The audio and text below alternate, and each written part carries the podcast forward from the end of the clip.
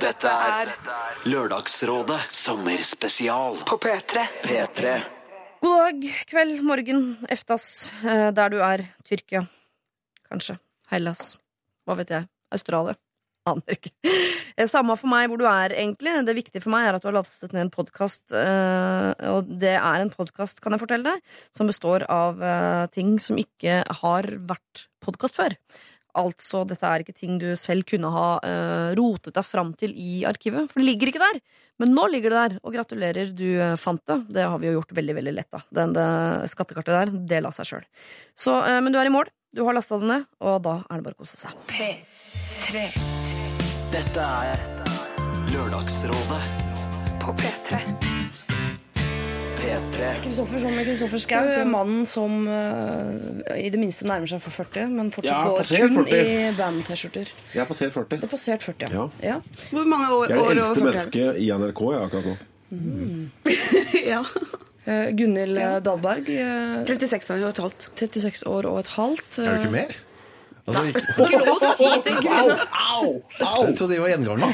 Du, det var kjempefrekt sagt. Og Kyrre Holm Johansen, som Jeg er 38. er, Er det ikke helt det? Jeg trodde du var 48. Du ser ut som du er 48. Nå kan du, hva, har du ikke noe bedre svar? Ja, men Kyrre er blitt kjempegrå. Grå, var det sånn? i håret. Det var inni. Håret. Jo! Det er, Bli med, da. det er ikke sant. Alle i dette rommet har faktisk ganske identisk hårfarge for øyeblikket. Litt sånn mørkebrunt og småkjedelig. Ja, det er Eh, faktisk helt sant. sånn, sånn går det av og til. Eh, dere, vi skal ta et eh, problem som eh, har kommet inn på SMS fra en gutt eh, eh, 18. Gutt 18. Jeg er sammen med en fantastisk jente, men bestekompisen min hater henne. Og de krangler hver gang de er i samme rom. Jeg har prøvd å få dem til å bli venner, men det fungerer altså ikke. Pluss at jeg nettopp har funnet ut at de har vært sammen før. Og ingen av dem har sagt dette til meg. Hva skal jeg gjøre? Å slå opp. Men det er jo han som har problemet. Kompisen, hva sier han om dama? Har dama noe problem med han fyren? De har jo vært sammen, så for, derfor, de er ekskjærester. Ja, men begge krangler, var det De sånn? krangler krangler med hverandre. ja, med hverandre. Hver eneste gang de møtes, så krangler de. Det her var et veldig uheldig trekløver. Absolutt. Når eh, Kjæresten din har ikke fortalt at hun har vært sammen med eh, bestekompisen din. Mm. og bestekompisen din har heller ikke fortalt deg at han har vært sammen med den nye dama di. Og når de tre er sammen, så krangler de to ekskjærestene Ja. eh, som bussafyker. Det her vet jeg ikke om lar seg løse. Men vi kan prøve. Vi kan prøve. Men er det ikke sånn Jeg syns alltid det er skumlere med sånn eks-forhold der det er krangling involvert. For da betyr det at her er det fortsatt masse masse følelser. Det er bare at de har krangla med et eller annet. Det er bedre enn folk som har sklidd fra hverandre og gir helt F. I, altså som ikke bryr seg om eksen. Her er det jo De krangler jo fordi Og da er det jo noe, eh, altså noe passion i rommet. Ja. De har jo oppgjort seg imellom, da, men jeg vil anbefale at de tok seg en eh, Kanskje fikk det en fjerdepart, en nøytral fjerdepart, og så fikk de to snakket ut om sitt gamle forhold før de, måtte, så de ble ferdig med det, før han kunne gå videre med sin kjæreste. Ja, Må det en fjerdepart til, eller må tredjeparten ut og si ok, nå låser jeg dere inn i et rom, finne ut av det? Da kan det ende med at de gjør noe annet enn å krangle. vet du. Det er det som er så skummelt med sånne ekser. Ja, Men da har man i hvert fall funnet ut av det. Det kan kanskje Kanskje hun ble sammen med han for å gjøre han ekskjæresten sjalu. Og nå lagde det enda mer problemer. Har du noen følelse av hvor gamle de er? 18. 18? Ja. Damn. Sterk følelse på det. Så mye bråk allerede. Det er da det er mye bråk. Er det ja? Det er mest bråk, da. Jeg var stort sett bare inne og hørte på Metallica på LP. Jeg 18 visste ikke hva livet dreide seg om. Nei, nei.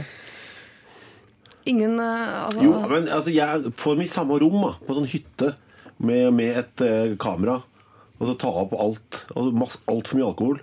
De tre, bare de tre på en hytte, og alle har hvert sitt eget sånn håndholdt kamera. Ja. Og så sender de råteipene til eh, NRK3. Det høres jo ut som det er lagd for det, gjør ikke det? Jo, jeg er litt, men Litt så sånn du fest. anbefaler disse her som ikke orker å være i samme rom, at de må være i samme rom bare over lengre ja, tid? de, altså, de er så unge, de kommer ikke til å være sammen eh, allikevel når eh, det har gått masse år. Men de kan lage tidenes uh, morsomste lille film.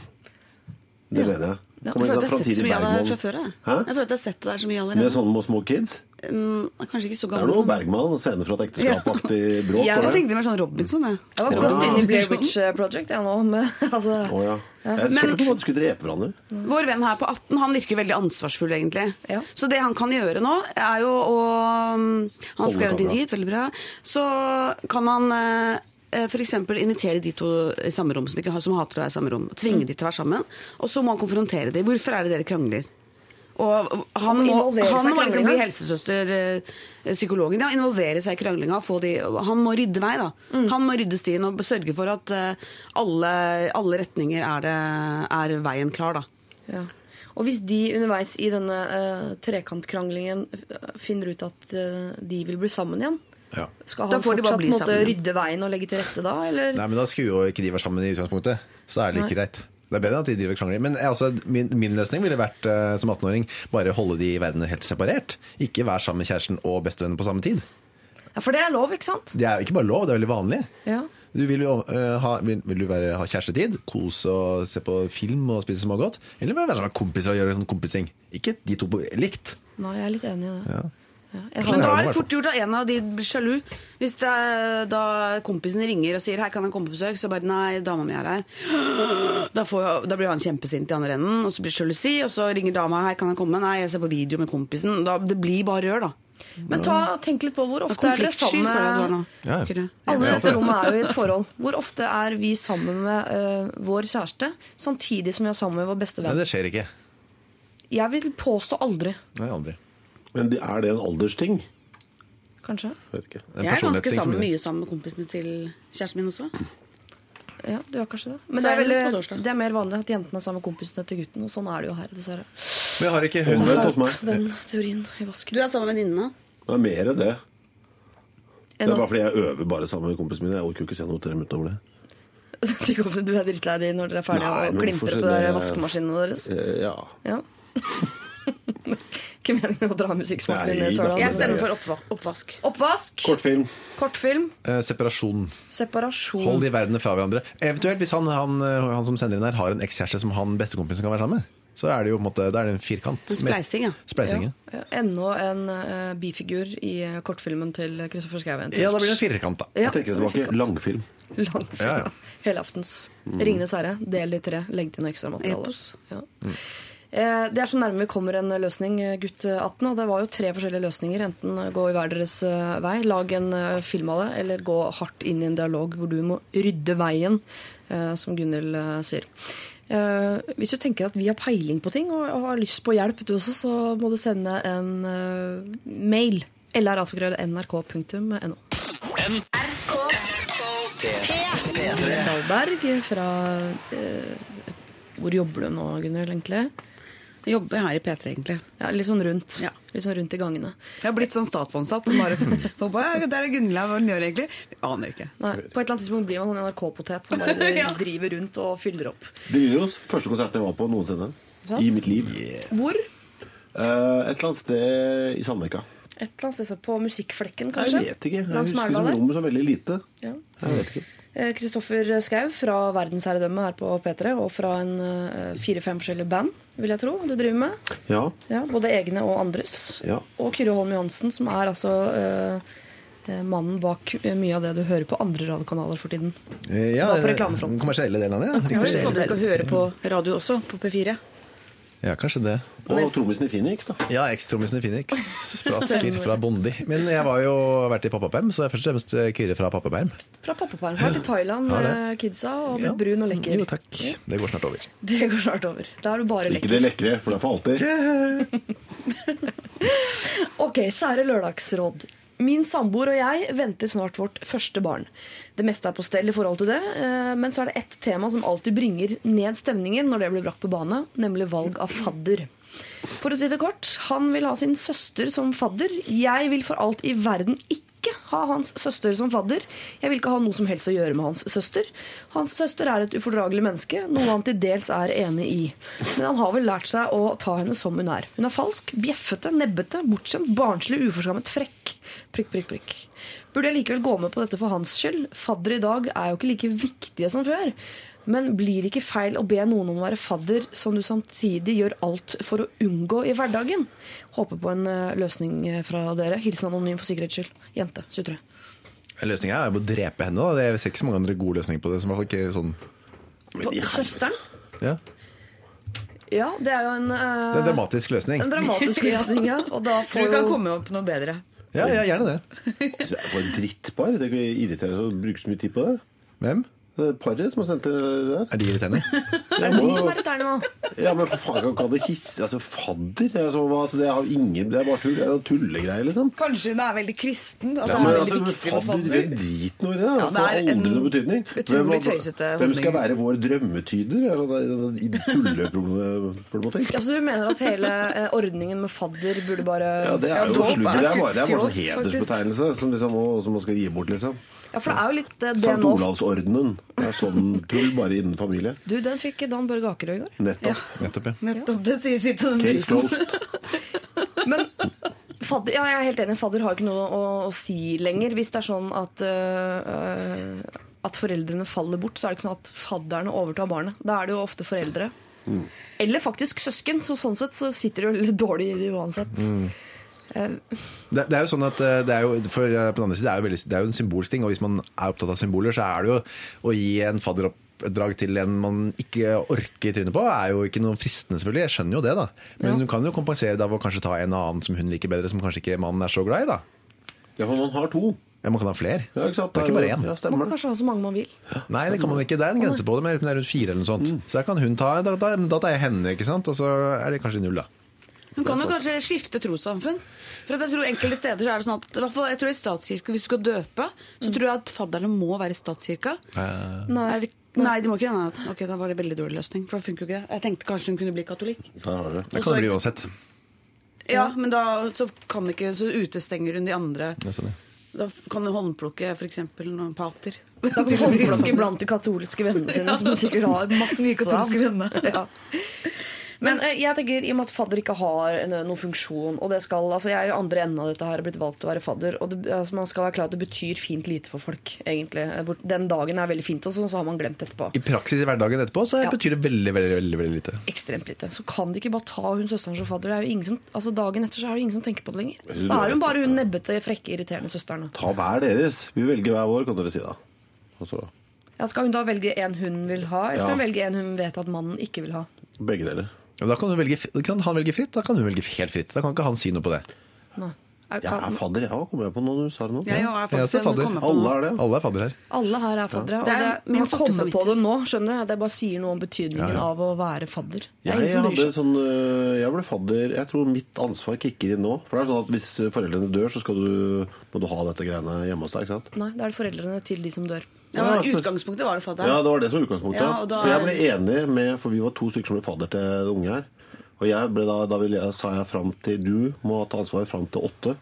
Og fra åtte og ut så kan jeg ta over, for jeg orker ikke det tidlige greiene. Nei. Og nå tror jeg det kicker inn. Nå tror jeg det lurer på om det har blitt åtte. Det er vel ansvar for å oppdra barn i den kristne tro. Er det det, ja? Ja. Og da er jeg perfekt. Ja, Så du er nærmere nå enn noensinne du på å få barn, Kristoffer. Ja vel. Det er så nærme du kommer, kanskje. Dette er så nærme du kommer å få barn. rett og slett. Men hva sa du? Oppdra inn kristne tro? Nei, Jeg trodde faddere var den humanistiske delen av å være gudmor gudfar, eller heter det fadder i kirken Ja. Det er der det er- heter er fadder. Er det ikke navnefar eller bror eller sånt det heter i humanetisk? Navnefar. Vil du være navnefar til mitt barn? Jeg har akkurat hatt en sånn navnefest Ja. for vårt, eller våre barn. da. De var ikke noen navnefedre eller bønder eller noe. Dere var valgte ingen. ikke ha fadder, Nei, man skal ikke ha det. Jeg skjønner ikke dritt av det. Det kan være Jens Brun Pedersen. Han er sjef i Human-Etisk Han er navnefaren til alle. han. Men har dere skrevet testament for å altså, forsikre dere om at barna mm, går videre til noen uh, vettuge folk, hvis dere skulle være så Det Jeg får bare gå sin gang. Altså, Du, hvis det må man ha fadder? Nei, nei. Nei, nei. Under en kristen dåp, da skal man ha fadder. Ja. Ja. Men du, de kan, kan du velge selv hvilken hun hater, hun søstera. Ja. Eh, som er liksom barnslig og hater forskjellige familiemedlemmer i utgangspunktet. Så hun kunne skjerpe seg litt på det. Men eh, jeg syns Ja, eh, jeg syns at um at du, siden fadder er så, det er ikke så farlig i våre dager, så kan du bare gi Ja, så kan du være fadder, og så kan de stenge henne ute for resten av tida. Fryse henne ute Ja, det er litt barnslig, ja, men da har hun liksom fått en eller annen eh, hedersbetegnelse, da, så får hun være fornøyd med det. Så har hun gitt det kortet til eh, Så stopper hun typen også. for føler kanskje typen gjør litt for å provosere. Ja, men hun sier at søsteren er falsk, bjeffete, nebbete, bortskjemt, barnslig, uforskamt, frekk. Er ikke det en oppgave til en lillesøster å være? Og så blir man voksen en eller annen dag. Jo. Kanskje Ok, hun er bare 17 år. Jeg tipper du for eksempel, Gunhild, når du var sånn 16, så var du antakelig ganske eh, Kanskje ikke falsk, men bjeffete, nebbete, bortskjemt, barnslig, uforskammet og frekk. Ja, men da jeg var 16 så har jeg begynt å bli litt sånn eh, Trodde jeg var kul, men jeg var, eh, og da var jeg kanskje litt kulere. Men jeg er 14 og helt jævlig. Grusom person. Ja. Men du har jo blitt helt ålreit Ja, sånn etter hvert. ganske ok. Kunne vært en helt ålreit fadder. du. Jeg er fadder, jeg. Ja. Men jeg glemmer det jeg kom på når hadde det her oppe. Nå kom jeg på at jeg er fadder. Ja. Jeg gir jo aldri bursdagsgave, aldri julegave. Jeg glemmer det jo. Ja. Det betyr ingenting. lyst- Nei, det betyr egentlig ingenting. Med mindre, som uh, Kyrre sier, at man er opptatt av symboler og sånne ting. Det er Ja. jo litt hyggelige greier. Dette er Lørdagsrådet På P3. P3. Kork. Ja, kringkastings... Er det, er det for internt å si? Kringkastingsorkesteret. Ja, ja. Som er en av de eldste institusjonene vi har her på huset. Når vi liksom begynte i NRK for 100 år siden, så var det som KORK de holdt på med De var kringkastingsorkesteret, og det var det.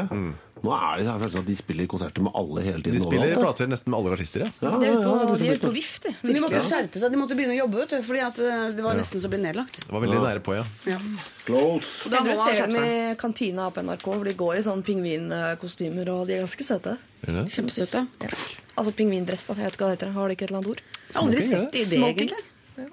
Jo. Nei, de, ja. De er i kantina innimellom. Han ene er jo sammen med hun som jobber i kantina. Ja, vet du. Vi har fått barn ja, ja. Hvem, hvem, hvem i KORK? En eller annen i KORK, jeg aner Ja, ikke. jeg ikke og en eller annen i kantina. Har funnet kjærligheten. Det er det koseligste jeg har hørt. Ja. KORK. Møter kantina. Ja. Det varmer mitt iskalde hjerte.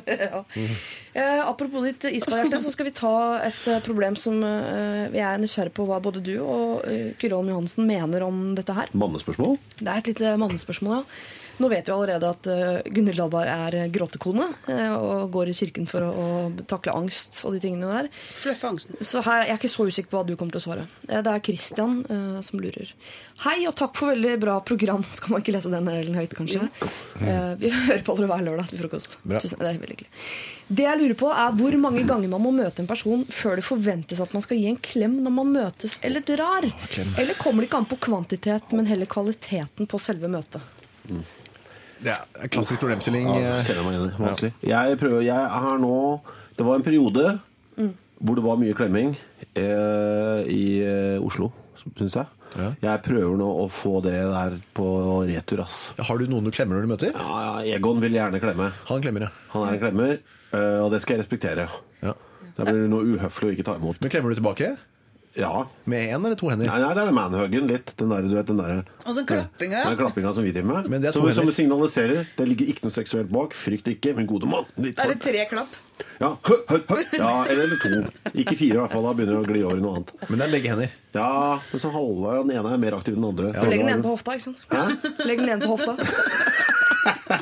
Eh, Men eh, jeg prøver å trappe ned de klemmegreiene. Altså. Jeg syns det er litt mye. Altså. Jeg visste ikke at du hadde noe å trappe ned fra, ja. men eh, Nei, altså, det er jo, altså nå, nå er én igjen, da. Så jeg gjelder bare å få bort han. Det er bare Egon i hele verden.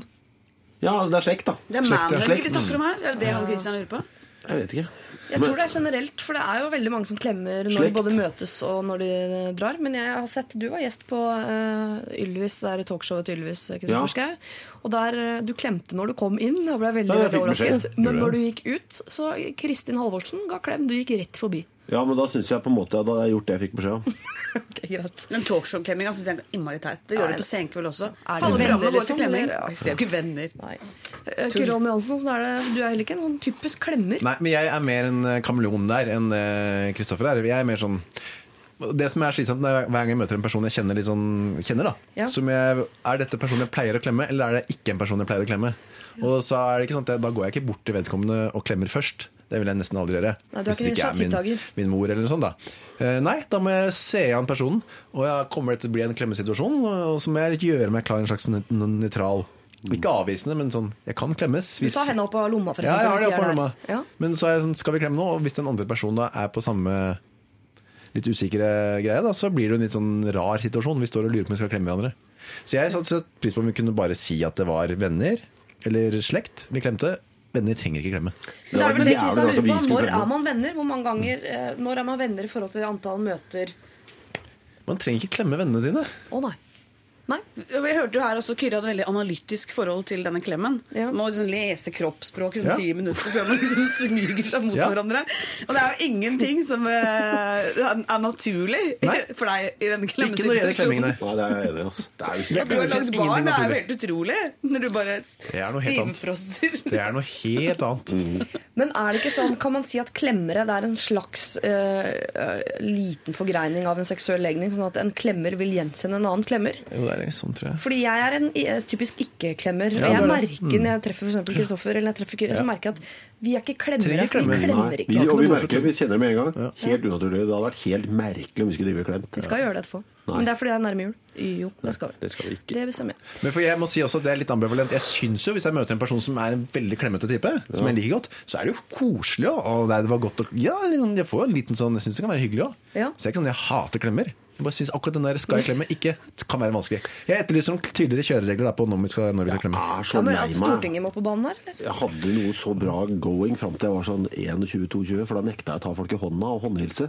Jeg syns det var så, Herregud, for jeg synes det var så, vennskap. for jeg synes det var så unødvendig. Sånn der, til, jeg synes det føltes helt Hva er dette? Tror du jeg er, tror jeg er presidenten her? Hva faen er dette for noe? Skal vi signere en traktat? Jeg, jeg har aldri møtt deg før. Hvorfor skal jeg drive og ta deg i hånda? Æsj. Og Jeg skulle ønske jeg hadde holdt på det. Ja. Du skal være så glad hadde- at vi ikke bor på New Zealand og må drive og kose nes med hverandre, Ja. for det er eh, vanlig der. Mm. Eh, Men hva skal vi si til Frankrike Christian? da? kysser 40 ganger på Ja, det- Det er veldig Nei. slitsomt. Men det, jeg føler at I Frankrike så da, tar da, da gjør man det alle. Det er Norge som er vanskelig, for det er noen, ikke noen. Altså Vi klemmer noen, andre klemmer vi ikke. Det er. I Frankrike der klemmer vi alle, og kysser alle. Det er mye lettere å forholde seg til. Der kunne jeg ikke bodd. Jeg er bodd der. Ikke Men hvordan skal, er det noe, kan vi si, er det noe tegn Christian kan se etter, f.eks. Eh, når han kommer i en situasjon hvor han er usikker på om han skal klemme eller ikke? La være. La alltid være. Hvis du er usikker, la være. Jeg syns han skal bestemme seg. Er jeg en klemmer eller er jeg ikke? Mm. Klem alltid eller aldri.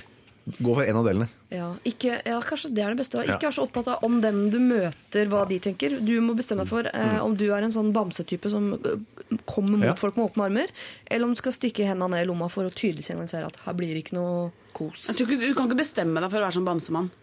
Ikke? Nei, da for at det. Kyrre, for eksempel, hvis han skulle bestemt seg for det, Ja. hater å klemme, da merker den som får klem, klemmen, the claimee, at uh, det bare eh, det, så, det er ekkelt å få kald klem. Det er helt forferdelig. Få knytt bamseklem. Ja, det er grusomt. Ja, det da sånn føler man å gjøre et overgrep. Ja, liksom, Påtrengende på en sånn ubehagelig måte. Ja. Ja. Jeg må ikke finne på hvis du ikke er en klemmer, og late som du er en klemmer. Nei. Nei, jeg tror, jeg tror han skal slutte å klemme, denne Christian. Henda i lomma, Kristian, er et uh, godt råd. Ja, er slett. usikker. Da ja, men Det er være- veldig hyggelig med varme folk som gir en klem. Ja, ja. Og det sier hei på en ordentlig måte. Ja. Men du kan åpne opp litt nå fram mot jul, eller? Ja, det Du kan jeg. stenge helt eh, altså første, første. Stenge butikken, ja. Det Stenge kan vi klemmebutikken. gjøre. Mm. Dette er P3. Eh, Lørdagsrådet i dag. eh, Kyrre Holm Johansen, eh, tidligere P3-mann. Kristoffer Kristoffer Skau fra Verdensherredømme. Feiende flott program på søndager her på P3. Ja. Og Gunhild Dahlberg fra, som akkurat kom ut med Juntafil-bok. Alt du trenger å vite om sex, og litt til. Og. Kropp og følelser. Kropp og følelser. Og det er ikke selvopplevd alt sammen. Hun har vært ute og intervjuet folk. Dere har med litt følelser òg, ja? Bra. Man har masse følelser. Det er, jeg, jeg er jo med på å skrive boka. Ja. Det er noe jeg kan. Er det et eget kapittel om følelser, eller har du blanda de litt sammen? Blanda. Masse forskjellige følelser. Vebjørn har skrevet de runkekapitlene, så jeg har skrevet alt som handler om følelser. Runk og følelser. Runk og følelser. gråt syns jeg det er de to tingene er veldig, veldig fint. Gråt til du runker eller omvendt. Ja, Det det. er en veldig fin scene i den der Mulholland Drive hvor hun eh, dama gråter og onanerer samtidig. Det er veldig trist. Det er en typisk film som jeg ikke gidder å se. Må jo se. Herregud, den er så ekkel. Ja, Jeg ikke sånt. Jeg, liker bedre Fast and Furious og sånn. Kanskje ikke akkurat den, men bare for å gjøre eksempelet tydeligere. Ja, det ble veldig tydelig. Ja, veldig tydelig. Den er ikke noe vanskelig, den filmen, egentlig. Hvis var det du var redd for. Men Folk videre i runker og gråter. Jeg vet ikke. Det høres Ja, sånn men det er jo bare fem sekunder. Det er jo så lett. så Lett å gjøre. Vanligere enn du tror. Eh, vi skal hjelpe en, eh, en jente i eh, 20-årene som sliter med et problem som jeg er helt sikker på at alle har hatt en eller annen gang.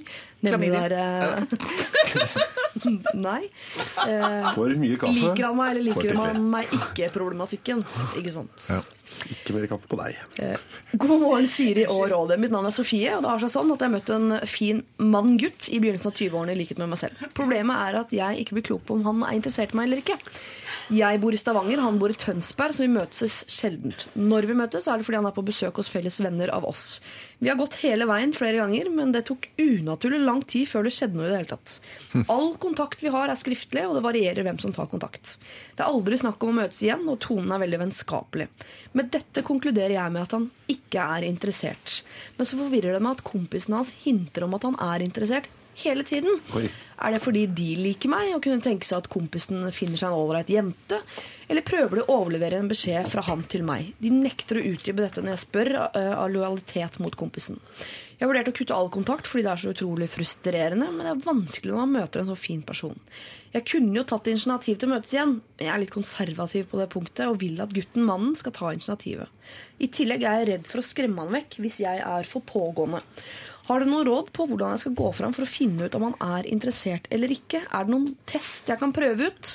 Eh, På forhånd takk for alle råd, Sofie. Jeg tenker jo umiddelbart her at uh, første jeg tenkte var dette her er bare tull. Her må du bare løpe motsatt vei.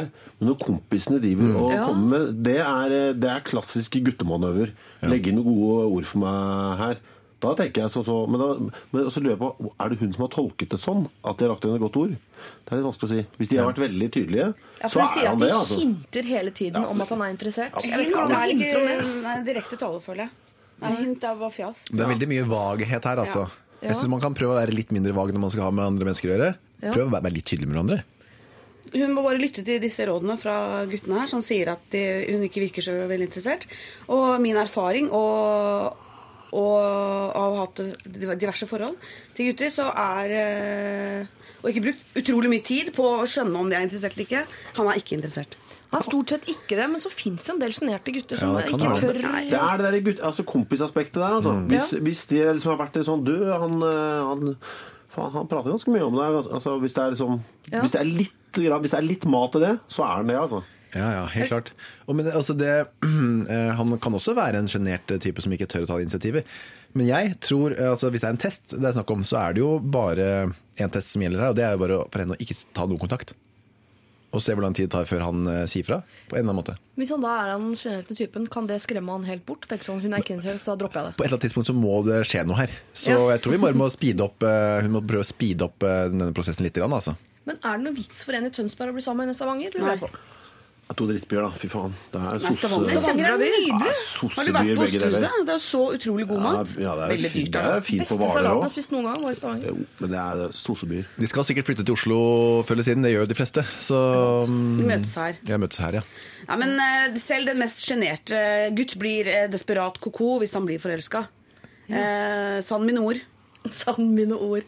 Da, da tar han eh, kontakt. Du må spille, være Ice Cold, Kill a Bee, Black Mamba Snake, iskald, og så tar han kontakt. Hvis han er interessert. Ja, det du er trenger ikke å kaste bort mer tid. Men jeg tipper, hvis han er litt sånn. Nei, men altså, nei, men han, det der, der kan hende at han har virkelig lagt seg i selen og tvunget kompis til Kom igjen, legg inn et godt ord for meg. Nei, men De, de igjen, hinter og de erter henne. De har ikke snak Gutter snakker ikke om følelser. De vet jo ikke om han er interessert. Og Du, du, men tror du kanskje ja, Jo, Det det kan kan jo skje. selvfølgelig være at kompisene er lei av at han er singel og prøver nå å få henne til Ja. liksom Det kan selvfølgelig hende. Ja, for kan det hende, Nå spør jeg dere som eh, i lys av å være menn, kan det hende at de eh, Følte at ikke jeg fikk hinter, men mensen, at, de, men at de erter han ved å hinte til henne? Så Nei, skjønner? det er dårlige kompiser, ass. Er man ikke ofte det liksom innimellom? Men hvis han var supersjenert, Ja. han i Tønsberg, Ja. og så sier eh, de eh, Stavanger-kompisene Å, han er kjempekjekk, han er superkeen på deg. Og eh,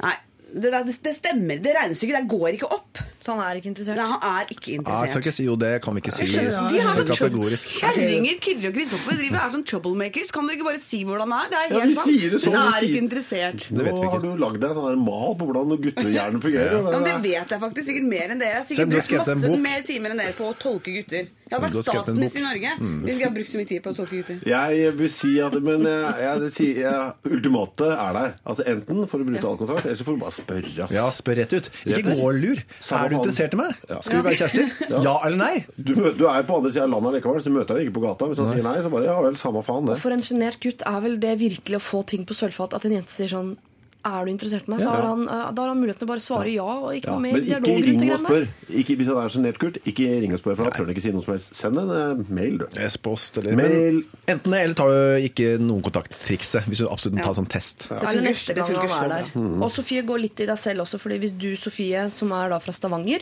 eh, er av den typen som er sånn veldig kul og kompisaktig, så kan det være at han sitter med inntrykk av at hun ikke liker han. Fordi hver gang etter de har ligget sammen, så sier hun sånn Ja, ja, da får jeg gå og tørke meg og steke en pizza, liksom. Ja, de har ligget Du må det er ikke det glemme det. Det har ingenting å si. Hallo.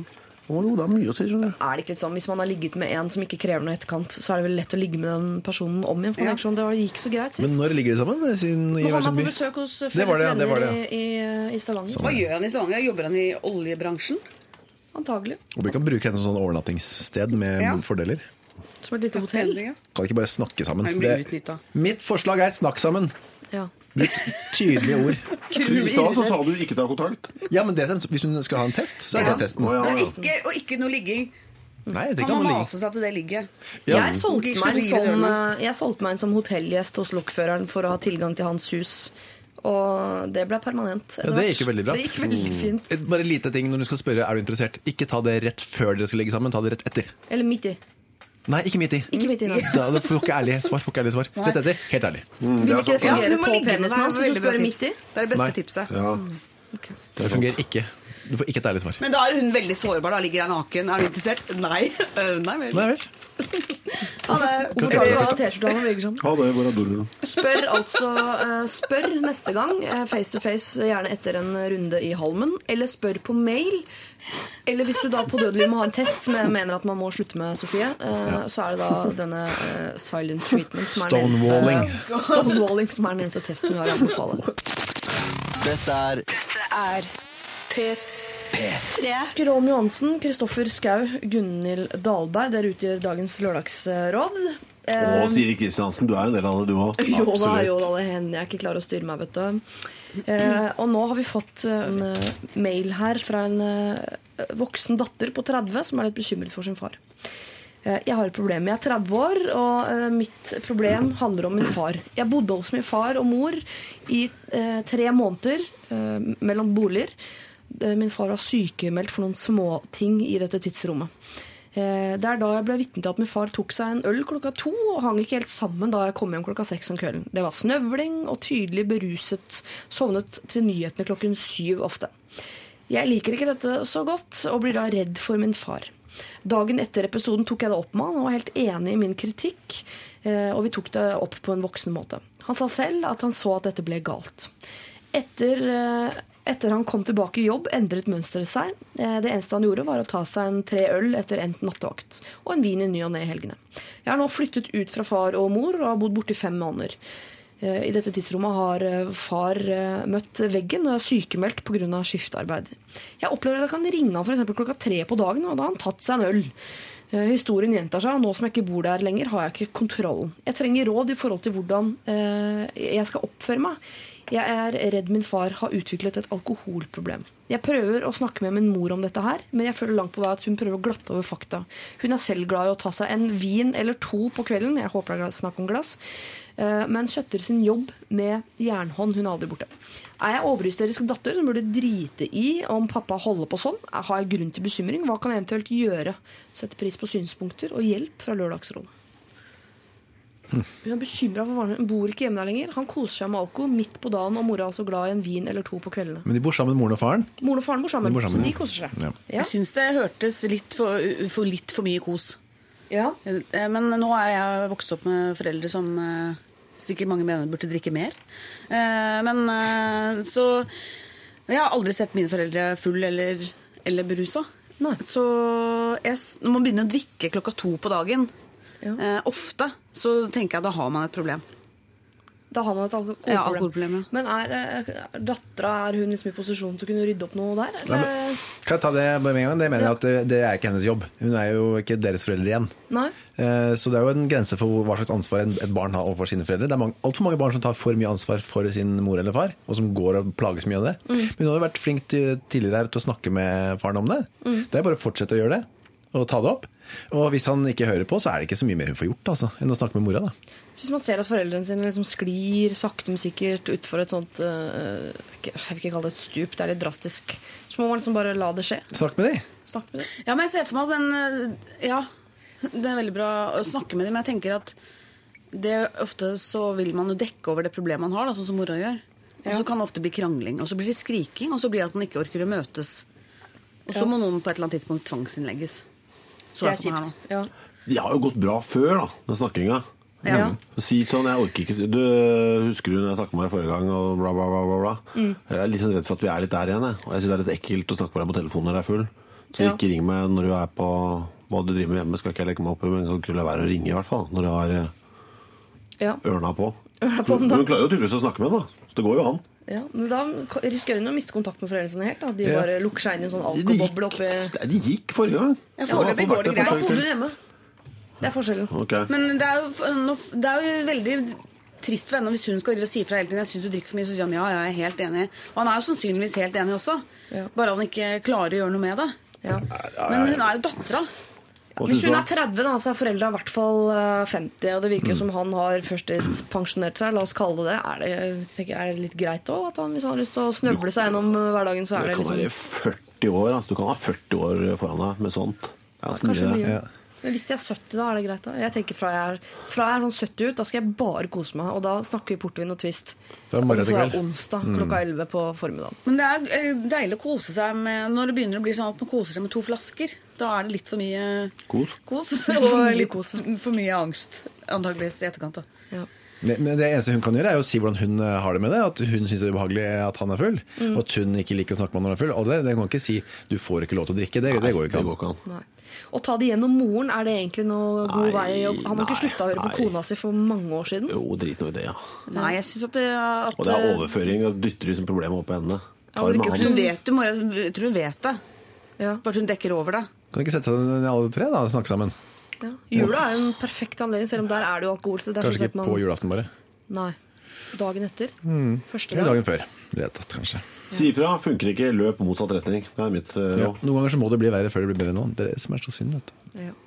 Men hun Altså- er jo allerede på vei, da, som har sagt fra og skrevet inn hit, og er tydeligvis er veldig bekymra. Ja.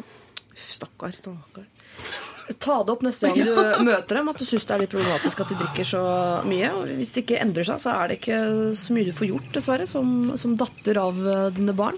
Men da kan du i hvert fall be dem å slutte å ringe deg eh, midt oppi kula si. Eller hva Det man er skal lov. kalle det midt på De tar nok hintet etter hvert, da, vil jeg tro.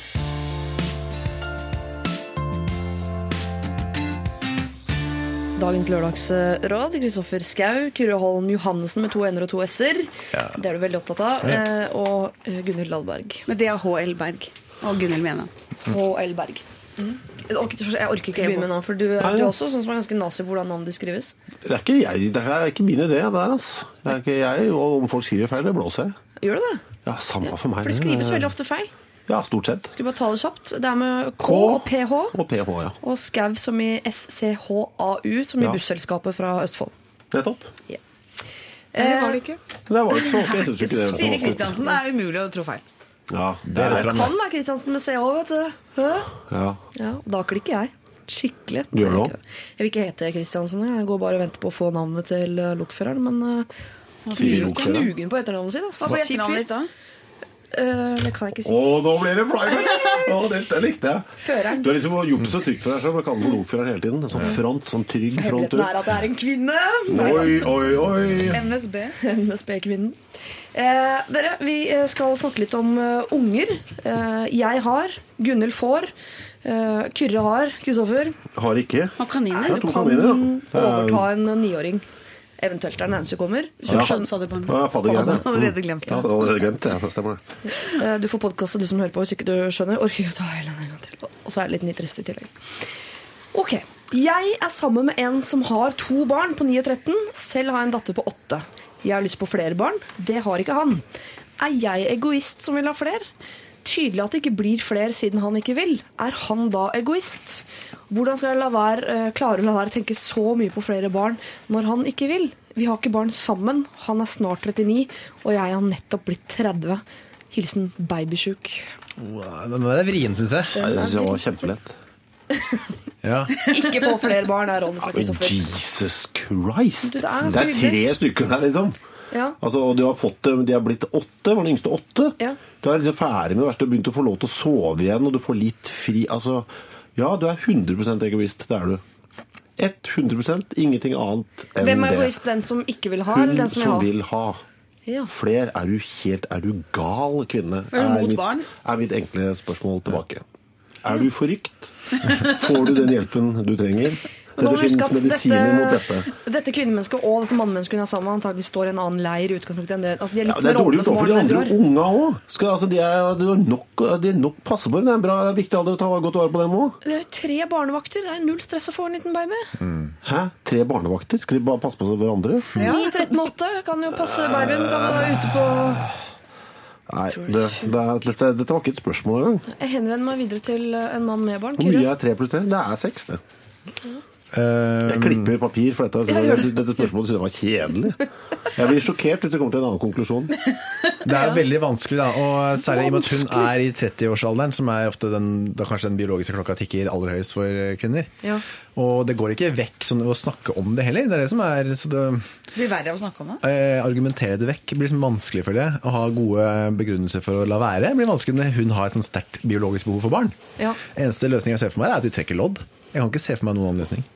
Du kan ikke se for deg at rasjonaliteten skal få til å slippe til. Du kan ikke til. rasjonalisere bort behov for et barn, skjønner du. Altså, Eh, biologien, nei, det kan du ikke. Det er, eh, det er tiden er på hans jeg. ti, Ja, det er som er sulten, ja. Ja, Jeg må ha mat, eller Ja. du kan ikke få mat. Jeg må sove. Jeg er trøtt. Ja, du ikke lov Kan man døyve det ved å kjøpe inn mye sånn uh, angorakatter, eh, løvekaniner, uh, lodne hundevalper? Det døyves, ja. Jeg tror ikke det overdøver det. Det er jo ganske vanlig i våre dager å få det som man kaller for en trøstebaby. Attpåklatt. Ja. Ja. Mm. Trøstebaby hørt, ja, det er når mannen har unger fra før, og så må han få barn med den nye kjæresten som ikke, for Han fa- fant selvfølgelig en yngre dame eh, som har, ikke har barn. Eller kanskje han fra før, så må de to få sammen. Da blir det trøstebaby. Ja. Eh, og det er jo veldig vanlig. Men det er, det er jo Jeg syns jo, jeg er bitte litt enig med Kristoffer også, faktisk, at det derre skrikende behovet med eggstokker som liksom overdøver julemusikken. Eh, den kirkeklikke Sånn ding-dong, vi må ha barn. Jeg syns det er bitte litt rart. Det er mennesker, det er ikke en iPad, liksom. Ja, du har hjerne også, har ikke bare eggstokker. Klarer å tenke. Det er ikke noe gave. Han må ikke skjenke deg den, Før så var det som man skjenka Jeg skjenka deg en sønn. Det var det mannen som ville ha, men det virker som det er snudd opp ned. da. Men jeg kan skjønne behov for å ha barn sammen. Hvis hun nå i en alder av 30 har møtt den mannen som tenker det er oss resten av livet, men vi har ikke felles barn. Det er biologi som snakker, og det er Ja. biologien som vi vet, den snakker nesten alltid høyest og får veldig ofte rett eh, til slutt. Ja. Så spørsmålet er sånn, hvordan man skal tilrettelegge for, for det. da. Kan man se på det som en, eh, nærmest en straff til han for at han har eh, gått videre i og funnet seg en eh, yngre kvinne? Så er, da er barn en del av pakka. Det Det er, er ikke sånn, Ja. det er ikke sånn at han ikke blir glad i den nye ungen. Det er uh, noen måneder med skriking, og så er det liksom en del av familien. Ja. Tipper at han kvier seg for det. Kanskje de kunne hatt en ordning om at eh, hun, altså han bor på hotell eller første året, om natta. da. Ja. Kommer tilbake om morgenen og tar ungene, men får sove. Kanskje han syns det da, så da er det greiere for ham. Det, det er mulig, det kunne gått. Det kan jo hende at det er ikke bare den babyen, egentlig, men det er vel det å gå sammen eh, om en graviditet. Eh, at man da kommer litt nærmere hverandre. At eh, nå er kanskje hun en slags eh, at Det er jo som hele pakka. Det er, er ikke bare en- den baby, det resultatet. Det er jo samleie og ni måneder og oppdragelsen. Det er jo en giftering med kjøtt, nærmere den lille babyen. Ja. På en måte. Ja, Nå ble jeg litt for. Jeg syns han bare ikke skal være så gjerrig på den eh, spermen sin, og bare gi henne det. Åpne opp eh, bua. Ja. Altså pølsebua. En til. Han kommer ikke til å legge Det er jo tre unger her fra før. Eller si sånn Vet du hva, min kropp er ferdig unger, altså. med det der prevensjonsgreiene. Jo, de trenger Enten skjenker du meg en baby, eller så går du og klipper over snora på penisen din. Det kan jeg absolutt si. Ja. Men det er det vi trenger, altså. Flere mennesker. Ja. Åh, sati satire fra, fra Det var ikke Skau. satire engang. Det var syrlig. Altså, jeg, kan ikke sitte her og høre, jeg kan ikke sitte her og høre på galskap, liksom. At det får lov til å florere. Det må slås Men hardt ned forakter du kjærligheten For fra Gud? Jeg forakter kjærligheten fra Gud, ja. Nei, men dette her er galskap, liksom. Det er Jeg genene, ikke sant? Og genene sier mye rart til meg. Biologien mine, biologien min fortalte meg i går at jeg skulle spise en hel pose potetgull, selv om jeg var stappmett og hadde spist middag allerede. Galt. Jeg ga Mm. Men du etterpå lyst til å skulle ønske at jeg ikke gjorde det. Og, Jo, det og det fordi, eh, skal også skje her. forskjellen La på- være. Og jeg kommer til å la være nå. Forskjellen på den potetgullposen og den ungen er at du blir glad i den ungen i etterkant. Den potetgullposen blir du ikke glad i Men andre er forskjellen er også at Den ungen kan hate deg i etterkant. Det gjør ikke den potetgullposen mot meg. Den, den eh, ungen kan også få en livstruende sykdom. Det får heller ikke den potetgullposen, og hater heller ikke meg av den grunn. Kan vi, Men du får livstruende sykdom av, av den Nettopp. Se her. Der er my point proven. kan vi håpe at barnet på 13 er en, eh, en jente som snart får egne barn, sånn at hun har muligheten til å bli bestemor ganske snart? da, om ikke. Det kan jo bli se om det er en gutt. Men det er Det veldig er sant. Problematisk som dine, mine og våre barn, så jeg anbefaler henne egentlig bare å finne en ny type som er mye yngre, som ikke har barn fra før. Så kan du få kanskje tre unger til. Det var det beste Det er også en tipset. eh, løsning, Det er også en selvfølgelig. løsning. Eller som jeg var inne på i begynnelsen, bare trekke lodd. Ja eller ikke, eller ja eller nei, og så bare snakker vi ikke mer om det. Snakker ikke mer om det. Eller bare si 'jeg har slutt på prevensjon'. For et år siden. Du er jo- skal bli pappa. Eller det. Også en eh, variant, altså. Trikk som brukes mye, faktisk. Brukes ganske mye. Ja.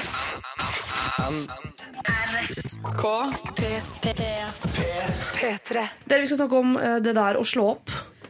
eh, som er en vanskelig greie. Eh, eh, dere er da Gunhild Dahlberg, eh, Kyrre Holm Johansen og Kristoffer Schau. Og det er en som spør på SMS Når går grensen for at det er greit å slå opp på SMS? Jeg er en jente som dater en del, ofte med gutter fra Sukker, altså sukker.no, datingsiden, og finner ofte ut etter noen dater at det kommer ikke til å bli noe mer. Er det fortsatt greit å bare skrive dette på melding eh, etter f.eks. fire dates? Og hva skal man eventuelt skrive? Her har jeg, dette kan jeg ikke. Dette, Dette er moderne, ja. Dette, er så moderne. Dette, er dette kan jeg ingenting om. Først så tenkte jeg hallo, man kan ikke slå opp på SMS, men nå er sånn sukkerdate. Etter fire, fire kopper kaffe, da kan man slå opp på SMS. At hun, at hun gidder å slå opp i det hele tatt, det er jo utrolig bra. Sympatisk. I 2011, snart 12, eh, så er det ikke noe forskjell på sukkerdate og vanlig date, føler jeg. Altså Date er date nå, om det er fra internett Ja. eller arrangert av foreldre, eller hva det måtte være. Er det fire kaffe, eller er det, fire, er det én øl eh, liksom, og en middag og et ligg? Det, vi har snakket om det før Lørdagsrådet. Jeg mener at grensen går Så lenge ikke dere har møtt hverandres foreldre, dere bor sammen, har investert i en katt, et eller annet sånt, så syns jeg det er helt innafor å slå opp eh, via elektroniske hjelpemidler. Ok. Jeg er enig, jeg. Bare gjør det enkelt, og bare gjør det. Liksom. Ja. Trenger ikke bruke mer tid på det nødvendig. Hvis dere har felles eh, barn eller dyr, sett deg ned med en eh, person, men eh, ellers, bare gjør det. Bare gjør det.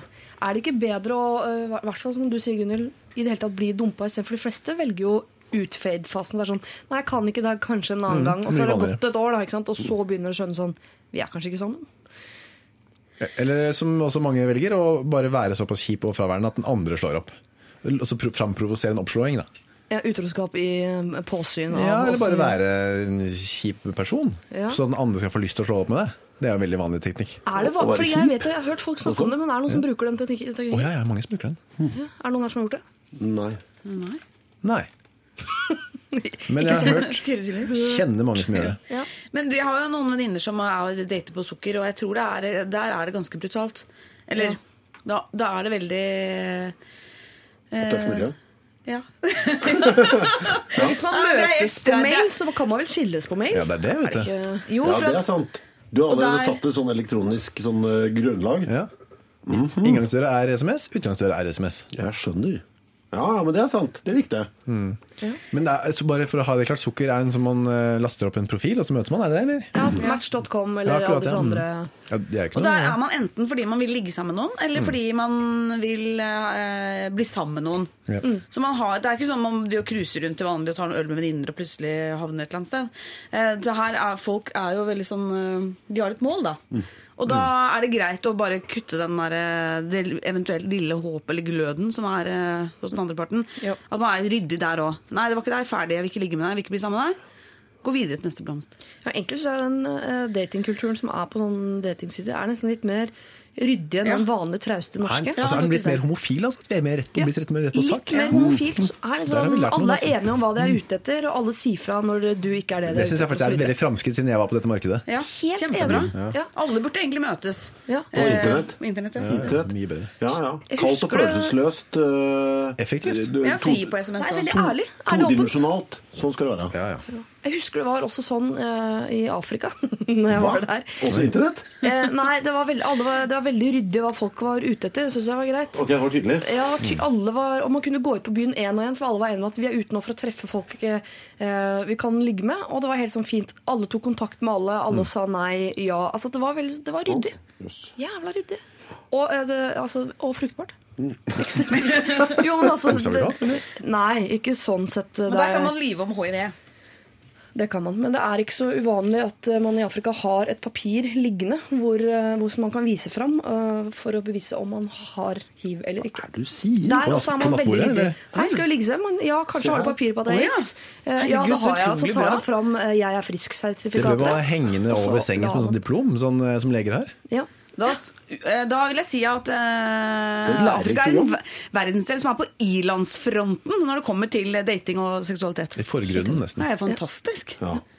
Der har vi noe å lære. Lær av Afrika. Der som eh, livsglede og rytmer osv. Lær av homoen og afrikaneren. og afrikanerne og eh, datingsidene har noe å lære oss når det kommer altså, til eh, kjærlighet. Uh, Gunhild Ladberg, Kyrre Holm Johansen, Kristoffer Schou. eh, prøv dere på denne. Hei, jeg er kokk, og problemet mitt er at hun eh, som jobbet som kokk før, nå er resepsjonist. Så det vil si at hun var over meg før i rang, eh, og hun fortsetter å kommandere meg til å gjøre eh, ting som jeg ikke skal på kjøkkenet. Eh, det vil si, hun kommanderer alle på kjøkkenet, og det er et del av problemet. Det er veldig irriterende, og alle hater det. Jeg føler at Hver gang hun åpner kjeften sin og snakker, så har jeg lyst til å slå henne. Eh, noe jeg selvfølgelig ikke har gjort ennå. Men hva skal jeg da gjøre? Skal jeg si ifra til henne, eller skal jeg ta det opp med sjefen? Dette er et problem som gjelder alle oss som jobber på kjøkkenet. vel å merke. Jeg regner med at det er et hotell eller et eller annet. Det høres sånn ut. Ja. Ja. Det er irriterende, altså. Ja, men jeg tenker allerede at hun har gått fra å være kokk til å være resepsjonist. Er det lov å bruke det i altså, noe hersketeknikk? eh, Det er vel noen kommentarer der Ja. som må være mulig å Før man slår, da, i hvert fall. Ja. Ja, kan kanskje bruke Jeg så for meg at hun var litt eldre også. Kan bruke alderen mot henne. At hun nå er for gammel. Hun eh, lager bare sånn mat som de spiste under krigen, f.eks. Ja. Nå lager de moderne, moderne kjøkken. Og klapper igjen. Du har ikke noe frimerker du skulle slikke på? da? Mor. Sånn. Ja. Litt sånn nedverdigende prat. Ellers så kan du bare tenke at hun er yrkesskada. Hun er sikkert hun er vant til å være dirigent på kjøkkenet og vant til å skrike og rope. Og der er det jo veldig høyt støynivå her, sant? med lokk og fresing og presing. og hva det heter. Så, så hun er vant til å rope, hun er vant til å snakke sånn. Så hun, bare, hun må, det er en yrkesskade, så det er ikke sikkert hun mener det. Ja. At hun bare, bare vant til å bjeffe i øst og vest. Så hun må liksom tones ned. Og hvordan gjør man det? Og si ikke slutt å kjefte, for nå, nå er her kan bygge innestemme. Du er i resepsjonen, behagelig stemning. For eksempel. Ja. Ikke gå via sjef, altså. Nei, du kan ta det direkte til henne. vel? ja, ta det direkte med henne. Ta det på SMS først, hvis du syns det er vanskelig å ta det. Vi er sponset av Telenors SMS-tjeneste her i dag. Eh, men eh, det er vel mulighet til å ta igjen nå, da. Og gå og kommandere henne til mye, f.eks. rundt i resepsjonen der, og, og ta Ja. med samme mynt. Det er jo den barnslige løsningen. Ja, selvfølgelig. De er jo mange mot én, på en måte, så jeg skjønner ikke Jeg helt vet ikke hun har veldig mye makt, denne personen. altså. ja. Hva er det hun gjør som gjør at dere blir så handlingslamma? så har, jo, så har du mye makt, da. Da setter jeg ikke over telefonene til dere, Så Ja, bare pass på. Sånn. post og Men til de som jobber der Nei, jeg vet ikke. Det er sant, det. Nei, men kanskje han som har skrevet inn, han fikk jo all sympatien, og det kan hende at han er udugelig kokk. Gjør ja, alt feil. Ja, helt ræva, ja. Så han må, kanskje han som må skjerpe seg. ja, Hvis du er dårlig, så må du skjerpe deg. Det er første prioritet. Men det virker som hvis du er dårlig kokk, så blir du satt til å jobbe i resepsjonen. Så da må vi gå ut fra at hvis han fortfarande er kokk Jeg ser for meg hun har fått senebetennelse av å røre for mye. eller noe. Så derfor er hun nå i resepsjonen. Går hun da inn fra resepsjonen og inn på kjøkkenet, liksom? Og ber folk røre heftigere i sausen. hva er Lag dette? mer majones. Eller klager da, tror du, i lunsjen. Det Ja. er sikkert det jeg gjør. Det var bedre før. Ja, uff. Hva har jeg gjort her, da? Er dette litt som hardkokt? Ja, sånn, sånn er det, liksom. Det er vanskelig å vite det, så. Ja, jeg, vi mangler litt informasjon. Men jeg syns det er dumt å slå. Derfor kan Ja, si. det kan ja, ikke slå. Nei, Ikke det det. blir bare dumt. Ja. Eh, Så bjeffe tilbake. Ta den pubertale bjeffe tilbake. Ja, kanskje skrive lapper. Eller lage noe morsomt. Kanskje alle på kjøkkenet kan lage en liten revy eller en sang eller et nummer. Ja. Og opptre i resepsjonen og gjøre liksom et kjempestort nummer ut av hun kjefter. Kan noen parodiere henne? Og, Og de setter opp en liksom- revy med ja. veldig fokus på henne. Ja. Så Kanskje de sånn det. Nei, du har blitt resepsjonist. Og så kan de Ja. synge det helt som sånn Da de første Du har ikke makt nå på kjøkkenet, visst. ja. Sånn er, type. Nå er vi inne på noe her. Jeg har sånn følelse av at hun snart skal ut i pensjon, jeg. Men Jeg er er jo meg ut som ganske gammel. sånn. Altså, det, altså, Har nok ti, det. år igjen. Du tror det er såpass, Ja, jeg tror det, Kanskje er altså. 25 også? Jeg tror ikke. Au, au, Det er veldig ofte folk du tror har gått av med pensjon, har ti år igjen. Ja, de har ti vonde år igjen. Ja. Ja, da må du, du må få tatt det, altså, for det er jævlig irriterende. Jeg får gresk pensjonistalder, sånn rundt 17. Er det ikke det? Jo. Nei, men Sett opp en eh, lokalrevy med sterkt sånn satirisk fokus på henne. Det er én mulighet. Er- Litt sånn som Charlie Chaplin gjør med Hitler. Det var jo veldig sterkt. Avansert mulighet. Hysj er også ålreit. Ja. Hvis noen snakker, bare hysj. Det er utrolig hysj. Irriterende hysj. Ja. Eller kan man ikke ta det med huet? Sånn, ja, men driver du fortsatt og Jeg trodde du jobba i resepsjonen, jeg, frøken. Ja. Driver du fortsatt og styrer på kjøkkenet? Nå er det jeg som er kokk. Ja. Ja. Eventuelt kan man jo, jeg synes syns det virker mer behagelig å jobbe i resepsjonen. Få veldig sånn frityrhud. Og at det lukter mat da, uansett hvor mye du dusjer. Så han kan jo si 'Unnskyld meg, eh, frue eller frøken', eller hva hun er. Eh, vi kan godt bytte jobb. Jeg orker ikke å være på kjøkkenet mer. Du kjefter så mye. Gå inn på kjøkkenet og lag mat sjøl. Sitter jeg her og tar telefonen. Mm. ja, det mener jeg er en god idé. Men nå- ja, Deilig å sitte i resepsjon Kan høre på P3. Mitt forslag er eh, at eh, hvis alle, dette er tydeligvis et problem for alle som jobber på kjøkkenet, Ja. er at hvis hun eh, absolutt skal liksom legge seg opp i det, så, sier, så foreslår jeg at alle på kjøkkenet blir enige om å spørre henne om hver minste ting som skal gjøres på kjøkkenet. Altså, er det tvil om noe som helst, gå til henne og spør. Ja. Om alle tar på alle ting, og hver eneste, kanskje hvert femte minutt så kommer det en person og spør om en eller annen ting eh, som gjelder i kjøkkenet. Ja. Og så hvis hun sier 'men ikke kom og plag meg', men jeg ser for meg det er Nord-Norge, nemlig. Du plager meg. Ja, men du er jo så virker som du legger deg som du er en sjef fremdeles. Nei, men eh, Så tar hun etter hvert hintet, tror jeg da. Så sier hun 'jeg vil ikke ha noe med kjøkkenet å gjøre lenger'. Til slutt sier hun dette. Mosa, nå holder dere Ja. bak eh, Da sier hun selv 'nå holder jeg meg her, nå skal jeg ikke blande meg'. er Eller kjempeidé. skremme meg masse. Si at for eksempel det er et eh, det er et, et kattelik foster i suppa. Æsj. Eh, og da får hun så sjokk at hun må sykemelde seg. Det er jo også veldig lett å gjøre i Nord-Norge. Ja, er det det? Sånn er det der. Nå er det så mange gode råd her at jeg faktisk eh, jeg klarer ikke å oppsummere.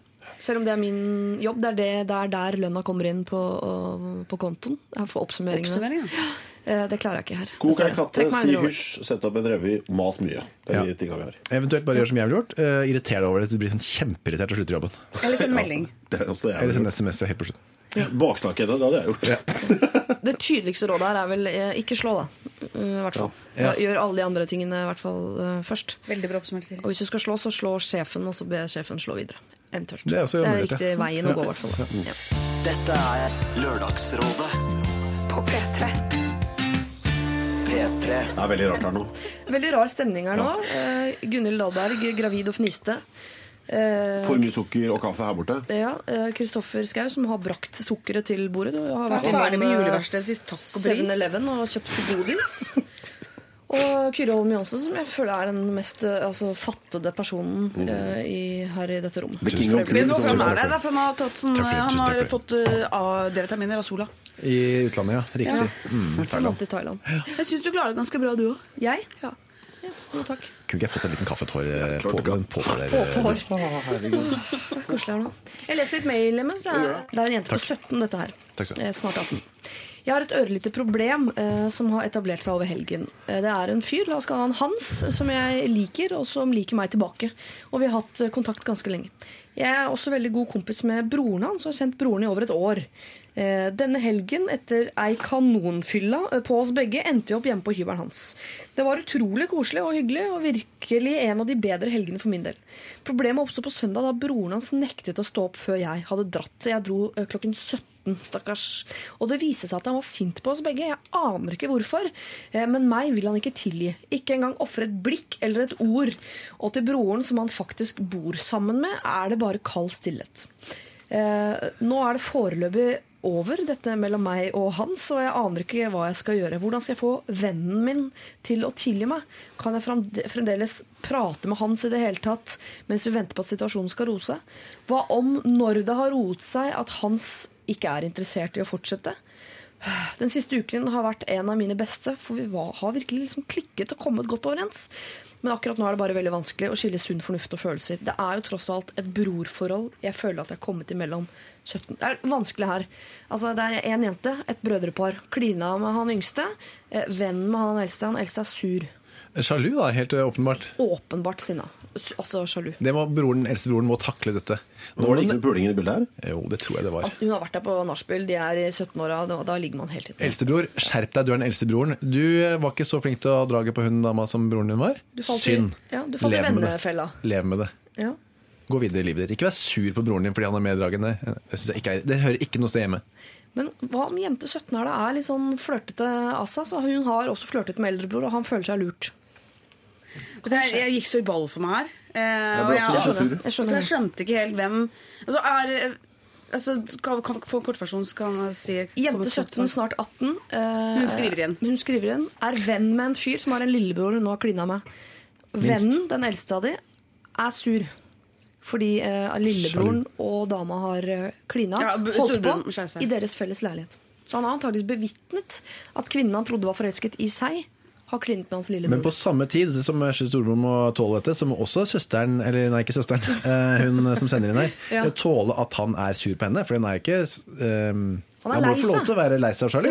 Det må hun bare takle. Ja. Eh, Så kan de bli kjærester, og så får det gå. Men eh, ikke regn med at han skal være like glad eh, som deg for at de andre er kjærester, da, eller har det fint. Storebroren kan unne lillebroren sin en, Ja, det bør han gjøre. litt forskjellig. Nå må hun få lov til å være litt lei seg, men det trenger ikke hun eh, bry seg om. Altså, hun må å, han må få lov til å være lei seg, Mm. men de må få lov til også å være, være kjærester. Men jente 17 må kanskje godta her at hun antageligvis i denne prosessen har mistet eh, han som venn. Det fordi, er prisen å betale. ja, For han har vært venn litt fordi han også eh, har vært forelsket. Ja. Og når hun da er sammen med lillebroren, så er ikke det vennskapet. Altså, det er ikke bygget på noen ting. Det er bygget om et håp om å bli sammen. Og det er ikke der lenger. Dette er også litt av grunnen til at folk ikke bor i kollektiv hele livet, tror jeg. Mm. Ja. Mye av det greiene her. Det surret der. Det blir surr, vet du. Det blir mye rør. Og brødre også skal ikke bo sammen hele livet. Nei, skal man bo sammen med broren sin? Nei. Ja, en viss periode av livet er det kjempehyggelig. Jeg har hatt eh, akkurat samme greie. Brødrepar eh, på Bjølsen der jeg er Ja, ja. oppvokst. Var kjempeforelska i eldstemann. Du? Eh, ja. Ja. Klina med yngstemann, som var da eksen til min beste venninne, i underkøya mens han jeg egentlig var forelsket i, lå i overkøya. Det, vi, altså, vi fikk det ikke til. Vi, jeg og han eldste vi har vært forelsket i hverandre sikkert et år. Fikk det ikke til. Han var fascinert av vanskelige greier. Klina med lillebroren. Men de hadde bodd i køyeseng. Bodde i køyeseng. Eh, og lenge det morsomste her er Var det på 30-tallet, vet du? Ja, på 30-tallet. Du, På Bjølse så har man ikke ett rom til hver. Sånn er det bare. Eh, men da noen måter etterpå så er det sånn eh, Ikke måter, uker, dager, et eller annet. Så er det sånn, vet jeg, kan, jeg får lagt BH-en min i leiligheten deres et eller annet sted. Eh, kan jeg få den tilbake? Og så gikk det ganske lang tid. Husker vi var og bada på sommeren, og sånn Og da kom altså yngstebror med denne eh, BH-en som han trodde var min. Det var det ikke. Det var en sånn hudfarget enorm BH som antakeligvis var moren sin. eller et eller annet Som, han Som lå i køyesenga? Nei, som han reit meg. Men han bare tatt den første BH-en han fant, han, og ga den til meg. Og jeg ble så sint og tenkte sånn Å ja, for du tenker at puppene mine er så store at jeg bruker så stygt undertøy. Ja, det var en, eh, Jeg Den historien her var mye mer spennende Ja. enn Ja. den som kom på mail. det var en fløkt på en litt annen måte. Det var ikke deilig for meg å gå ned den Men eh, BH-en ble stien. som ordresokken. under hele følelsen. Ja, sånn. Ordre-BH-en. ja. Moralen er vel at hvis det er brødre og en dame inne i bildet, så blir det ofte kluss og tull og surr. Det blir ja, da kan du prøve faren. Ja, For å lage, hvis du er troublemaker. Absolutt. Ja, eller moren, ja. Eller eh, jente 17. Eh, du må velge mellom de to, og det valget har du allerede tatt Ja, ved å kline sant. med han er yngste. Han eldste er per definisjon ikke lenger din venn. Kan kanskje bli det om mange år, men det, får ta det som kommer. om fem år så liker hun han best. Men det, da får vi ta de problemene når de kommer. Da får du sende inn, for da sitter vi her antakeligvis Ja, ja. fortsatt eh, og drikker kaffe. Eh, Så da får du bare sende inn problemet på nytt. Dette er NRK P3. P3. Eh, Dere, Vi snakket eh, nettopp om et eh, brødrepar der en jente ordna med lillebror, mens storebror var en venn som nå føler seg forsmådd, antageligvis. Og det er et problem for mange. Det er mange gutter som føler at de alltid havner i en vennefelle. Jeg har fått en SMS fra en gutt på 23 som skriver hvordan skal jeg unngå å havne i friend zone hele tiden? Hver gang jeg blir forelska i en, så skjer dette. Er det sånn at nice guys finish last? Det er mye engelsk her. Eller, eller må jeg bare slå meg til ro med noen som er interessert i meg, og satse på at jeg blir interessert i dem etter hvert? Altså Han har dette problemet som jeg tror mange gutter har. De blir Ja, jeg forelska i jenter, har og de vil ha det som venner. Så det er flere som har dette ned i det hølet der. Det Ja. Nice Guys Finish Last handler vel ikke noe om det. Det er, det er noe helt annet igjen. Det er noe helt annet. Ja. Så da går vi bort fra det. Men det. hvordan unngår man å havne i vennesonen? da? Alltid. Prøv, prøv å ligge med dem. Det er jo ikke noe verre enn det. Jeg skjønner jo at det skal være så vanskelig. Kan vi ligge sammen? Ja eller nei? Ja, for det vil ikke en venn spurt om. det er ikke så konkret. Det liker ikke jenter. Nei, men pakk det inn litt mer, da. Ja. Vil du kanskje ligge med meg? Ja. Vil du legge deg ned i sengen og se hva som skjer? Men, Ja, med meg oppå? Eller bare prøv, eller bare, eller bare prøv å kysse henne. Bare gjør noe, i stedet for å bare være venner og gå på kino. Og Jeg sånn. syns det var litt passiv holdning. At han alt, jeg havner alltid i den. Men man må jo være litt uh, på'n. ja. Ja. Ja, det ligger jo ikke naturlig for alle, det. da. Det er jo Nei, nei. Absolutt ikke, men da er det jo noe å tvinge seg til å gjøre ting som ikke ligger så lett for deg. Da. Jo da. Jo, men eh, som jente som jo slipper dette her, eh, Ja. så hvis noen har sagt meg at du må liksom bare eh, lene deg inn og gå for kyssing, så har jeg tenkt sånn Er du gal i nepa? Jeg kan ikke gjøre det. Hvorfor ikke det? Det virker helt hårete. Og nei. Det er ikke din jobb. Greit å ikke få svar på en SMS, men å legge huet over på skakke og lukke øya, og så lukker de opp igjen, så har fyren gått, det virker bare liksom Det virker så grusomt. Ja, velkommen til vår verden. Ja. Jo, tusen takk. Tusen takk. Nei, men Send SMS da, hvis det er så vanskelig. Skal vi kysse, eller, eller noe lignende, da? Ja, men hva skal du sende så? Skal du skrive det på en SMS? Ja. Skal du vi kysse? kunne tenke meg å kysse med deg. Nei, da, får, da hadde jeg anmeldt deg. Kyrre har hatt enormt drag opp gjennom i sitt liv, så jeg tror vi skal høre på han når han kommer med gode råd Det er ikke seksuell Sånn trakassering.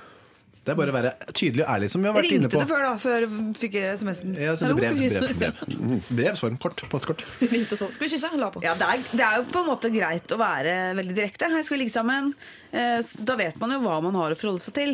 Men noen jenter blir også litt engstelige av akkurat eh, det spørsmålet, tror jeg. Ja, da, men, ja, men som sagt, Altså så kan Selv om de vet at det er det Jeg har pakke det inn, ja. Men skal man si 'vil du komme hjem til meg'? Hvis de er ute sammen, for eksempel, og har vært på kino og går tur eh, og i Frognerparken, eller hvor de bor hen, og har det koselig, som sånne venner ofte ender med å gjøre, da går sånne turer, gjør sånne koselige ting. Ja, du- Gjerne mens hun forteller om gutter hun er forelska i, som er helt forferdelig for han som er forelska i henne, og ikke tør å si det. Eh, Da kan man si Nei, skulle vi gått hjem til meg litt, eller? Eh, Som Og fortsette praten om Ja. han Knut, som du er så opptatt av. Ja, eller om noe annet, da, kanskje. For det er ofte de guttene som er vennegutter. De uh, hører på jenter som snakker om Mm. gutter, og så prøver de å overbevise dem om at han er drittsekk. Mm, ja. Ja, og hvis hun, Etter at hun har grått i to timer over eh, Knut, eh, så prøver du å kysse henne eller ligge med henne, da Det er perfekt Det blir helt egentlig. feil. Det kan være, ja, jeg vet ikke. Men Gunhild, du er jo Du burde jo Har ikke du en råd, da? Hva skal man si, da? Skulle jeg spørre om. Jeg Jo, men er det sånn, Jeg jeg, bare tror du at jeg er? Du er på Lørdagsrådet?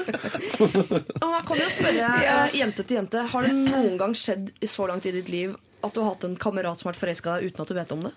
Nei. Man vet om det, skjønner du. Ja. Det er bare at øh, vi orker ikke den konfrontasjonen, så vi later som vi ikke skjønner det. Og sier sånn, ja, kjempegod venn. Slitsomt, han vil egentlig ligge med meg, men Er det sånn det er? ja? sånn er det. Men jeg syns han, han må på et eller annet vis bare eh, være med på den. Han må være litt eh, mer eh, Kanskje han kunne fått en liten øvelse av noe annet. Ikke sånn send en melding eller Prøv å eh, kysse. Ja, det er litt for eh, Er litt for rett på sak. Ja, Hva skal han gjøre da, Gunhild? Hva skal han stakkar gjøre? Eh, de må drikke. Okay. Jeg håper han ikke er edru. Jeg håper han kan drikke. Og hvis han ikke eh, drikker, så burde han begynne å drikke. For- For det er veldig mye ting som løser seg. Ja. Jeg er ikke så glad i sånn Du får mer eh, problemer, men på mye løser seg Drikke alkohol. Altså. Jeg er ikke så glad i det. Jeg er ikke så glad i det. Ja, det, er en, det er en løsning. Absolutt en løsning, men det kan også være eh, en feil vei å gå i livet. Men eh, han må jo i hvert fall etablere seg selv som noe annet eller noe mer eller mindre enn en venn. Han må Ja. slutte å være, ikke slutte å være grei, men Jeg er av natur på hans side. Altså. På den Ja, ja. milde herre. Ja. Han har en plass i mitt hjerte, altså. Absolutt. er Men hun det sånn problemet er at han har ikke plass i jenters hjerte. Nei, på den nei måten, det er selvfølgelig et problem. Men da må da kvinnen se- innse at her er det et bra potensial. Og kanskje da liksom tenke litt utafor boksen. Her ligger det noe bra. Det kan hende at det er noe at han, han er tydeligvis en veldig bra samtalepartner. Det liker jo jenter. Mm. Eh, men han må ikke være for bra. For at hvis han blir en venninne, så ser ikke jenter på han som en potensiell kjæreste. Det sitter Eller... som et menneske lenger. Nei, faktisk ikke. Men det kan, kanskje er noe annet. da Kanskje han har, kanskje han har lange negler. Det syns jenter er ekkelt. Ja. Og da kommer du ikke så veldig langt. Nei. Uansett hvor mye du spør og er direkte. Eller hvis du har f.eks. dårlig ånde, skitne tenner, skitne klær, fett hår. Jenter bare liker ikke sånne ting. Hygiene er du opptatt av. Ja, faktisk. Ja da. Men eh, samtidig som eh, noen jenter og ganske mange syns det er litt sexy med svettelukt. Så det- dette er kvinnens mysterium. Det er vanskelig, altså. Det De er drar vanskelig. på språkreise til Frankrike eller Storbritannia. Ja, Men Der er det så mye lange negler eh, liker ikke jenter. Det kan jeg si at alle, ingen jenter gjør. Men dette tipset fikk jeg en gang når jeg skjønte at en kamerat av meg var forelsket i meg, og hvordan jeg skulle få han til å skjønne at eh, jeg ikke var det tilbake. For vi var i friend zone, ikke sant, på en måte da. Og da fikk jeg beskjed om del hemmelighetene dine med han. Så skjønner han at fordi eh, folk som er forelska i hverandre, deler ikke sånne type hemmeligheter. De er ikke så fortrolige med hverandre. Eh, Fordi det ligger så mye sånn tabuer og sånn mellom folk som er forelska. Så han må i hvert fall slutte. Jeg vet ikke om du gjør det, guttsutere, men du må altså slutte med å, å dele masse av ditt indre følelsesliv. Og du må bli litt mer sånn eh, Snakk om CD-er og bøker og altså, ta det litt mer liksom overfladisk. Tror jeg, da. Ja, ja.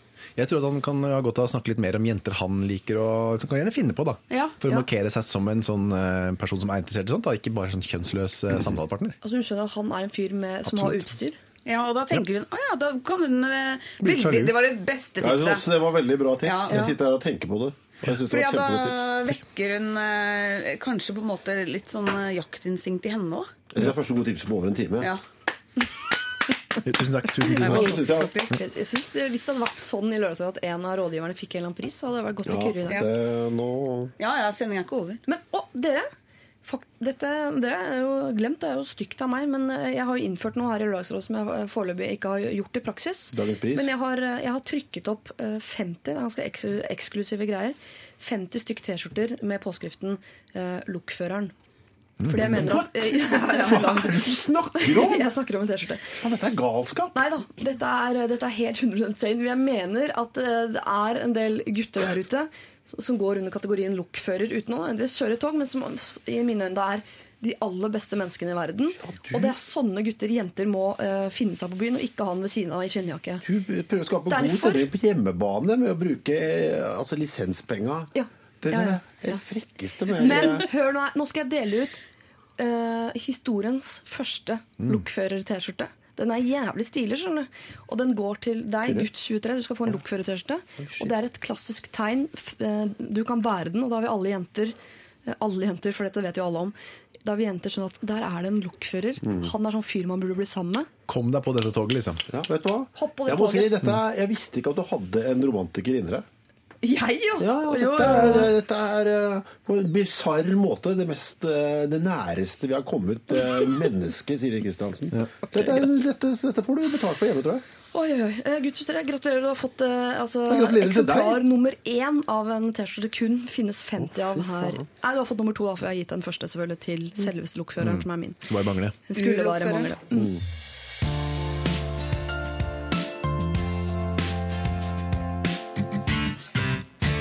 Jeg begynner med et sånn generelt eh, problem som har kommet inn hit til Lørdagsrådet eh, fra en gutt på 28 som eh, spør Tror Lørdagsrådet at folk kan endre seg? Og så kommer det en liten personlig historie her. Mye hinting. Jeg er tydeligvis litt lei av damene. ikke sant?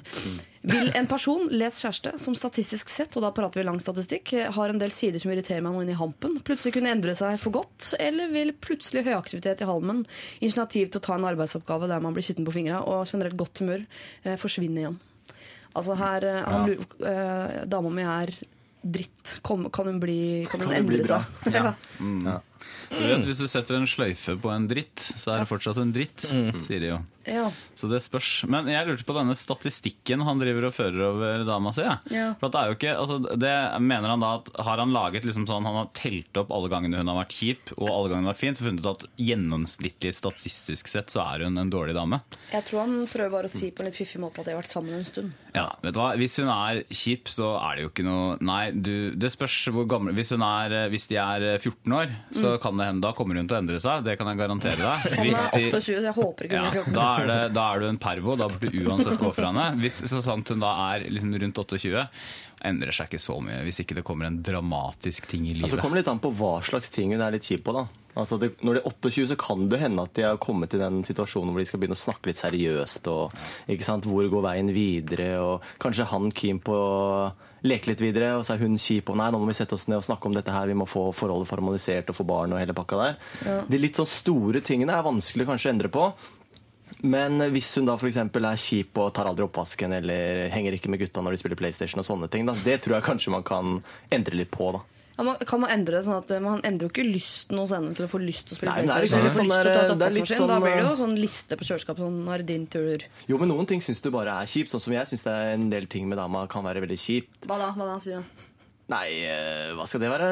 Nei, jeg vet ikke akkurat hva. Men, eh, men liksom, det er noen ting som er kjipere enn andre ting. Men du kan jo tillate deg å liksom gjøre deg litt eh, Føye deg litt, da. Ikke Ja. sant? Og det må du kunne gjøre også. Det er noen liker de kjipe tinga. Ordentlig forelska. Ja, ikke sant? Ja, men sånne ting kan man endre. Altså, sånn, hvis man er veldig rotete, så blir man ikke sant? Man blir aldri en ryddig person dypt inn i sjela. Men man kan klare å bli litt mer ryddig i hverdagen.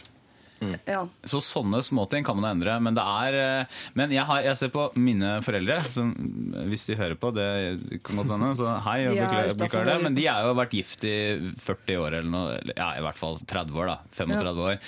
Og de, jeg ser jo at mamma hun er jo fortsatt streng. Pappa gjør liksom de samme. Sånn der, han pirker og plukker på ting, f.eks. Og da blir jo mamma sånn Nei, ikke pirk. Og det har han åpenbart gjort i 35 år. da Så han har ikke, pirk, endret du, på det. og så er det løst, da. Så er i røra i Porsgrunn. Men Ken, hvis man tar det sånn helt generelt eh, Folk endrer seg, eller gjør de ikke det? Eh, Jeg tror, det, jeg tror folk kan endre seg. Men altså, det eh, jeg kanskje har merka sånn erfaringsmessig, er at hvis man er i et forhold, og hovedparten av det forholdet går ut på å prøve å endre hverandre, så er det ikke noe vits lenger. Tror jeg. Her går mye tid til det, altså. Ja, hvis det er det, for jeg merker det er mange, som, eh, mange vennepar jeg kjenner også, som er sånn «Ah, nei, nei, nei, nei», Så er det bare klaging, og hele tiden prøve å liksom gjøre om på ting ved hverandre. Ja. Og det er jo små ting man kan på en måte nærme seg hverandre, Ja. men hvis man er veldig langt unna hverandre, så tror jeg ikke man skal begynne å brenne end- med alle de endringene. Ja. Ta heller Og liksom lete seg etter noen andre. liksom motsatt, at man blir liksom sånn som dame er, da. Alt det du syns er kjipt, sånn blir du også. Da vil du Mm. kanskje innse at dette her var jævla kjipt. Ikke sant? At du alltid kaster ned klærne der og liksom er helt sånn Eller hvis man er trassig, sånn at man, hvis man Ja. merker at her vil noen endre meg i eh, sørgående retning, så går man i nord. Det hadde jeg gjort, da. Ja. Eh, så Ja, det gamle trassgenet som bare ligger der. Gode gamle trassgener. Ja. Sånn, «Å, jeg skal ta oppvasken oftere, sier du. Følg med nå. Og så blir ikke den tatt av, ikke sant, oppvasken. Eh, jeg, jeg tror ikke at folk kan endre seg generelt, altså. Men kan vi ikke si at man kan endre seg på Man kan eh, polere overflaten, men ikke endre dybden? Ja, og man kan begynne å drikke litt mindre alkohol og gå litt mindre på byen. Og man kan huske å liksom sånn her, ta, opp, ta liksom tallerkenen inn i oppvaskmaskinen. Altså, For å si det sånn, oppdragelse, altså Hele konseptet oppdragelse hos barn beror jo på, eller grunner jo i at de kan endre seg. Mm. Man kan jo oppdra voksne litt grann også, det er bare litt grann vanskeligere. Ja. Lykke til, sier jeg bare til gutt eh, 28. Dette er Dette er P3. Eh, det er, vi må hjelpe en danske som har sendt inn en SMS, for han skjønner ikke hva vi sier. Jeg jeg mener ikke at vi fra nå av skal på en måte snakke annerledes, men det er spesielt ett ord han lurer på. Eh, hva mener dere med det ord I prater om? Skip. Ordforklaring takk. En danske. Kjip, ja. Kjip, ja. Han har skrevet det som i monkey på engelsk, men han mener nok sikkert åh, det var kjipt. Det er et dansk ord som heter træls. Har du hørt det? Ja. Træls. Det- Ja, litt sånn træls. Det betyr kjipt. Altså noe som er ganske Litt sånn åh, hva skal jeg kalle det? Kjipt? Ikke bra! Ikke bra. ikke- Ja, træls heter det. Det er liksom ingen andre ord som beskriver Men- kjipt. Men er det eh, dette er, altså, Jeg setter veldig pris på at den danske lytteren inn, sender inn spørsmål til Statskanalen og sånt, men er, jeg syns nesten at det er litt frekt av en danske å be om ordforklaring fra nordmenn. De som har så mange vanskelige ord. Og rare ord som ikke ligner på noe som helst.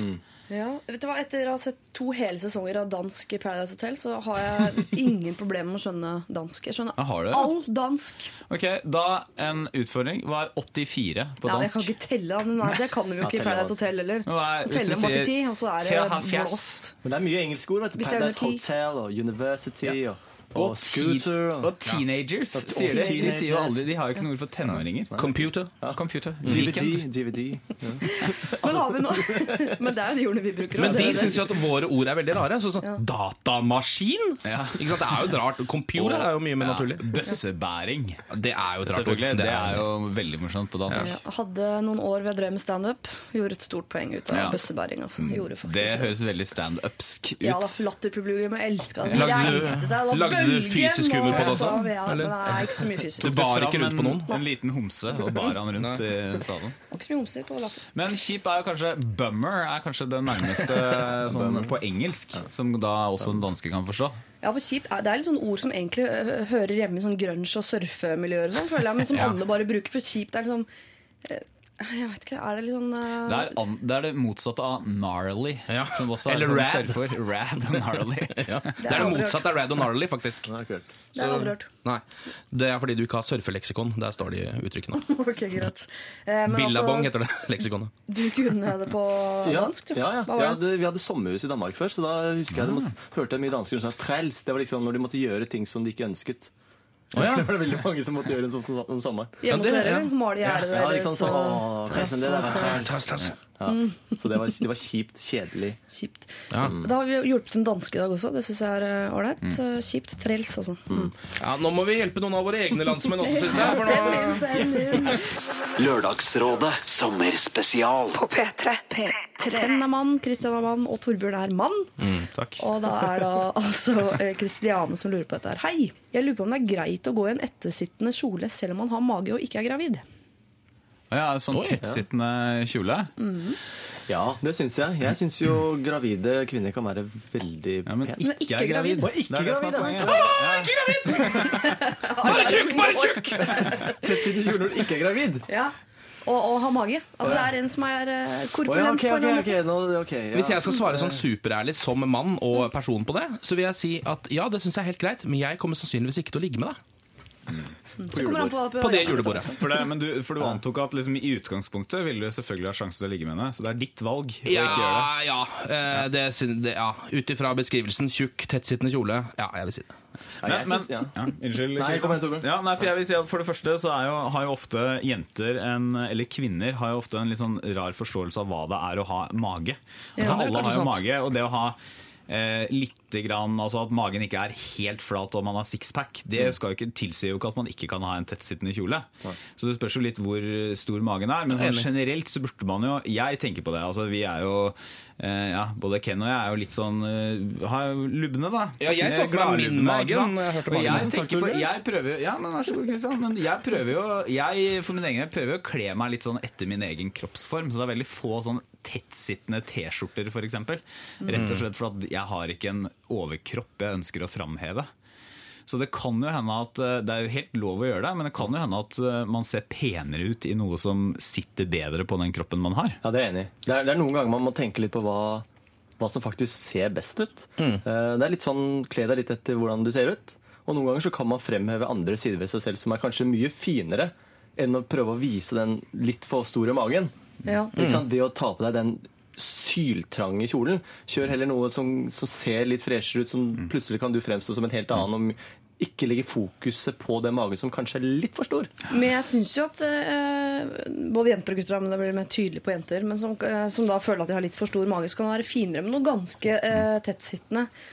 Enn å skulle alltid kjøre den A-formede kjolen Ja. sånn at det, Ja. og Ja. gå rundt og late som om man ikke er tjukk. For det er ikke noe sånn Det, det syns Ja. uansett hva du har på deg. Eller så kan du bare kjøre den engelske stilen da, på damene, hvor du bare kjører magen helt ut. Bare sånn, ikke noe over, ikke noe. Ja, sånn trashy. Det Sånn. sånn, ja. Trashy-stilen fra Britannia. Ja, ja? De kommer seg ikke over den. Den kneika der. Men, men da, da er det jo um, uh, altså, Det spørs hvor tettsittende. Altså, det viktigste er at uh, hvis kjolen sitter bra For det er forskjell på Det som aldri er pent, er når man ser ut som man har eh, malt på seg en kjole. Eller liksom tredd seg inn i en kjole som en pølse i et pølseskinn. Ja. Det ser jo aldri bra ut. Men hvis kjolen sitter bra og fremhever gode deler av kroppen, så må man jo gjerne gjøre det. Og da er den jo sikkert elegant også.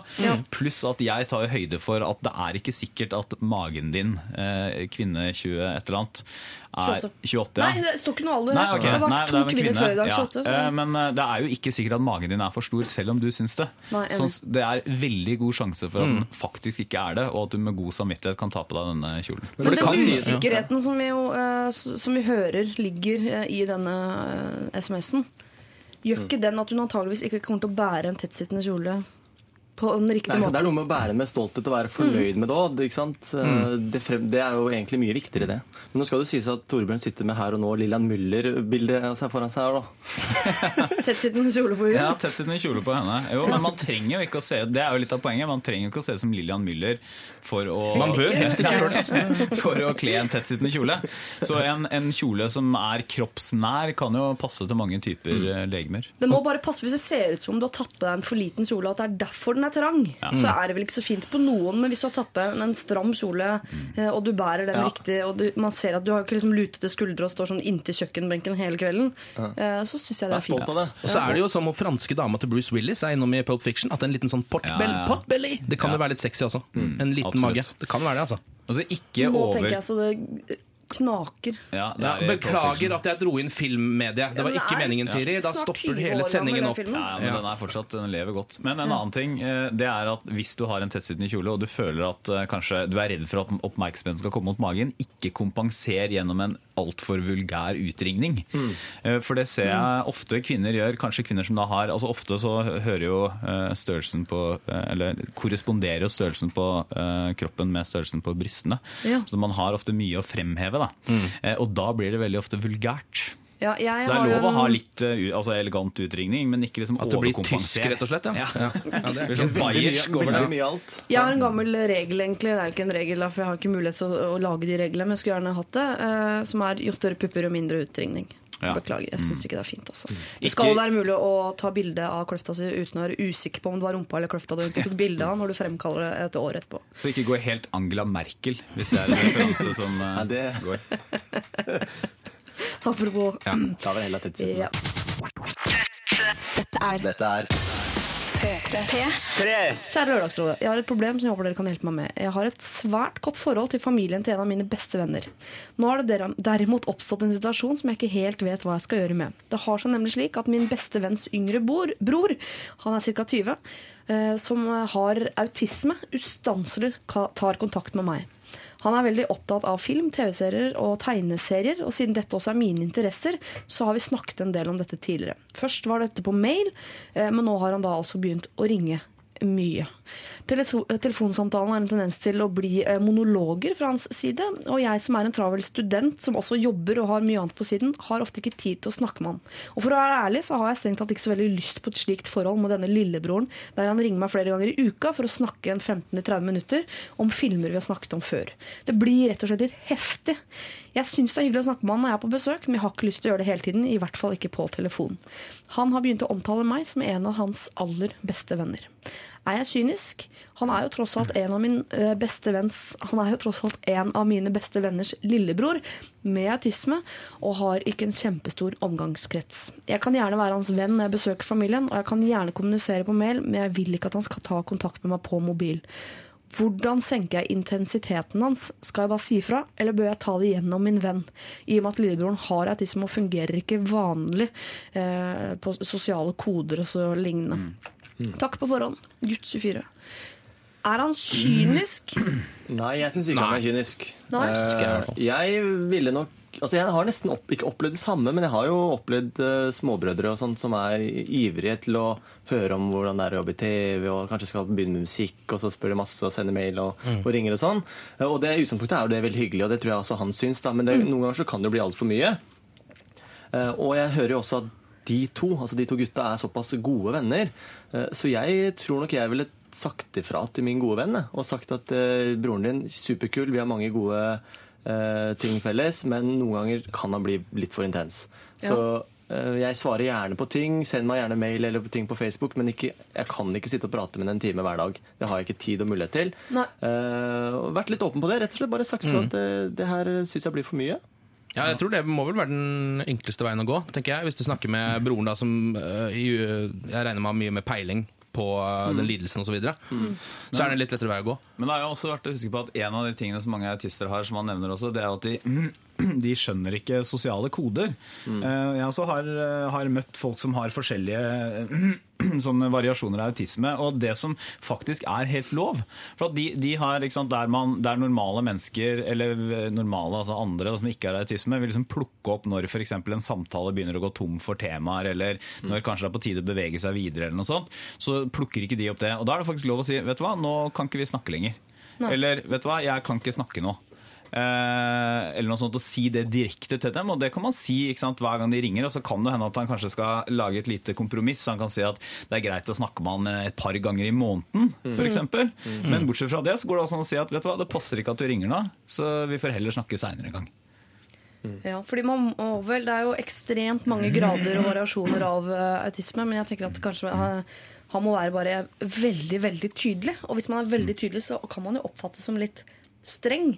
Og da tenker jeg at man kan bli lei seg i andre enden. For han tenker jo nå at dette er, min, at dette er en av hans beste venner. tenker jo denne lillebroren. Og så vil han plutselig ikke snakke med deg på telefonen lenger. Han har jo ikke skjønt at ikke de er bestevenner. Hvis min beste, hvis jeg eh, trodde da en som var min bestevenn, plutselig sa til meg en dag sånn Jeg har ikke tid til å snakke med deg på telefonen, jeg. Men kanskje du kan du si at eh, ja, jeg er jo bestevennen din, men jeg har mye å gjøre også. Ikke sant? Så prøv å få, få han til å forstå at, mm, at han ikke har tid hele tiden. Han skjønner jo at broren ikke har tid, og faren og moren har helt sikkert ikke tid til å prate med han hele tiden heller. Derfor så tar han jo sikkert kontakt med bestekameraten. Mm. Uh, og da ville jo jeg sagt jeg har også veldig mye å gjøre, men jeg snakker gjerne med deg et par ganger i uka.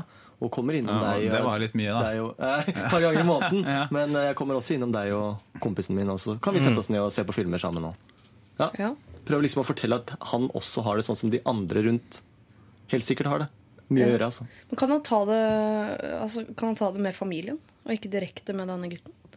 Men kan han ikke gjøre begge deler? Altså Går han og sier til familien at du, nå, nå ringer han så ofte, så kan ikke dere bare passe litt på, Mm. eller kanskje snakke med han om det?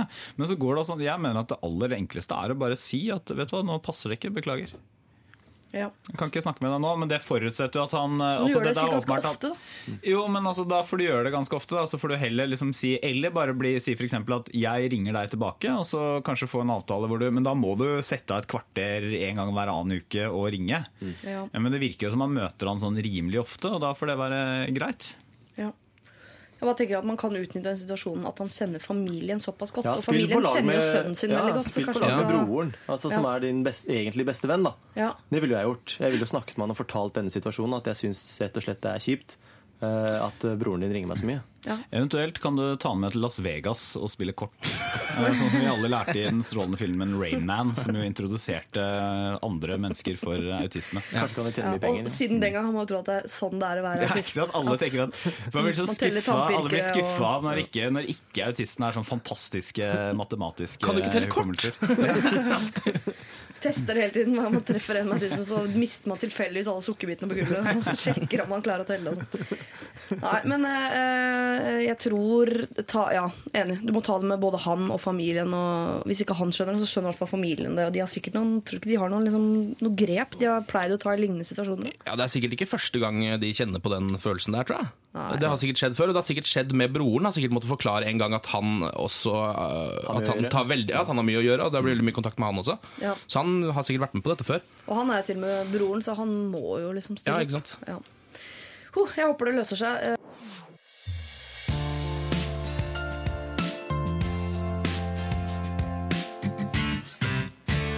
Jeg leser det. Jeg trenger råd. Det er fint å si fram, for det er det vi med. Eh, Jeg har vært sammen med kjæresten min i ni måneder, og vi har det ganske bra sammen. Men problemet er at jeg noen ganger lurer på om det er svigermor jeg er mest glad i. Hun gjør virkelig alt for meg. Hun ber meg på middag selv om typen ikke er hjemme. Hun kjører meg overalt, hun henter meg når jeg er drita. Og noen ganger føler jeg at jeg bruker typen min bare for å komme nærmere moren hans. Hva skal jeg gjøre? Jeg er jo glad i han, men jeg er kanskje enda litt mer glad i moren hans. Den er den. Den er, den er, den er morsom. Jeg vet ikke om jeg syns det, er- jeg vet ikke om jeg syns det er et sånn kjempeproblem. Da. Er Hvis han er glad. Jeg er glad i altså, Jeg er glad i kjæresten min, jeg er glad, Ja. og veldig glad i svigermor. Og han kommer ut av mora, han, så hun er glad i henne også. Men nå må, må, nå må dere lese underteksten her, da. For underteksten her er jo Er det sånn at jeg kanskje egentlig er Ja, sammen ja, med ja, ja. typen min fordi at jeg liker mora hans så godt? Ja.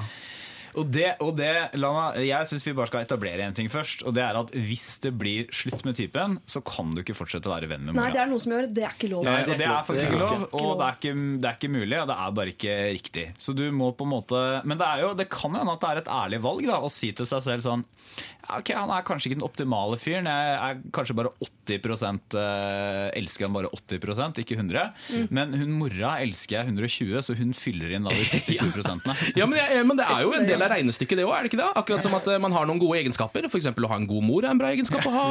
Altså, Jo, men Vanligvis så kan jo de siste 20% være sånn fet bil, bra landsted og Ja, feit ikke sant. lommebok. Da vil jeg ikke si det at- finere at det er liksom det er jo mindre overfladisk med ja, Hvis alt dreier foreldrekjærlighet. seg om svigermor, altså hvis, hvis hun hele tida liksom, å, kan vi stikke hjem og spise mor, middag hos mor, eller kan mor komme og kjøre oss til fest, eller kan mor være med på festen til slutt? Liksom, Her kommer blir- ikke mora di? Ja, kommer ikke mora di, liksom.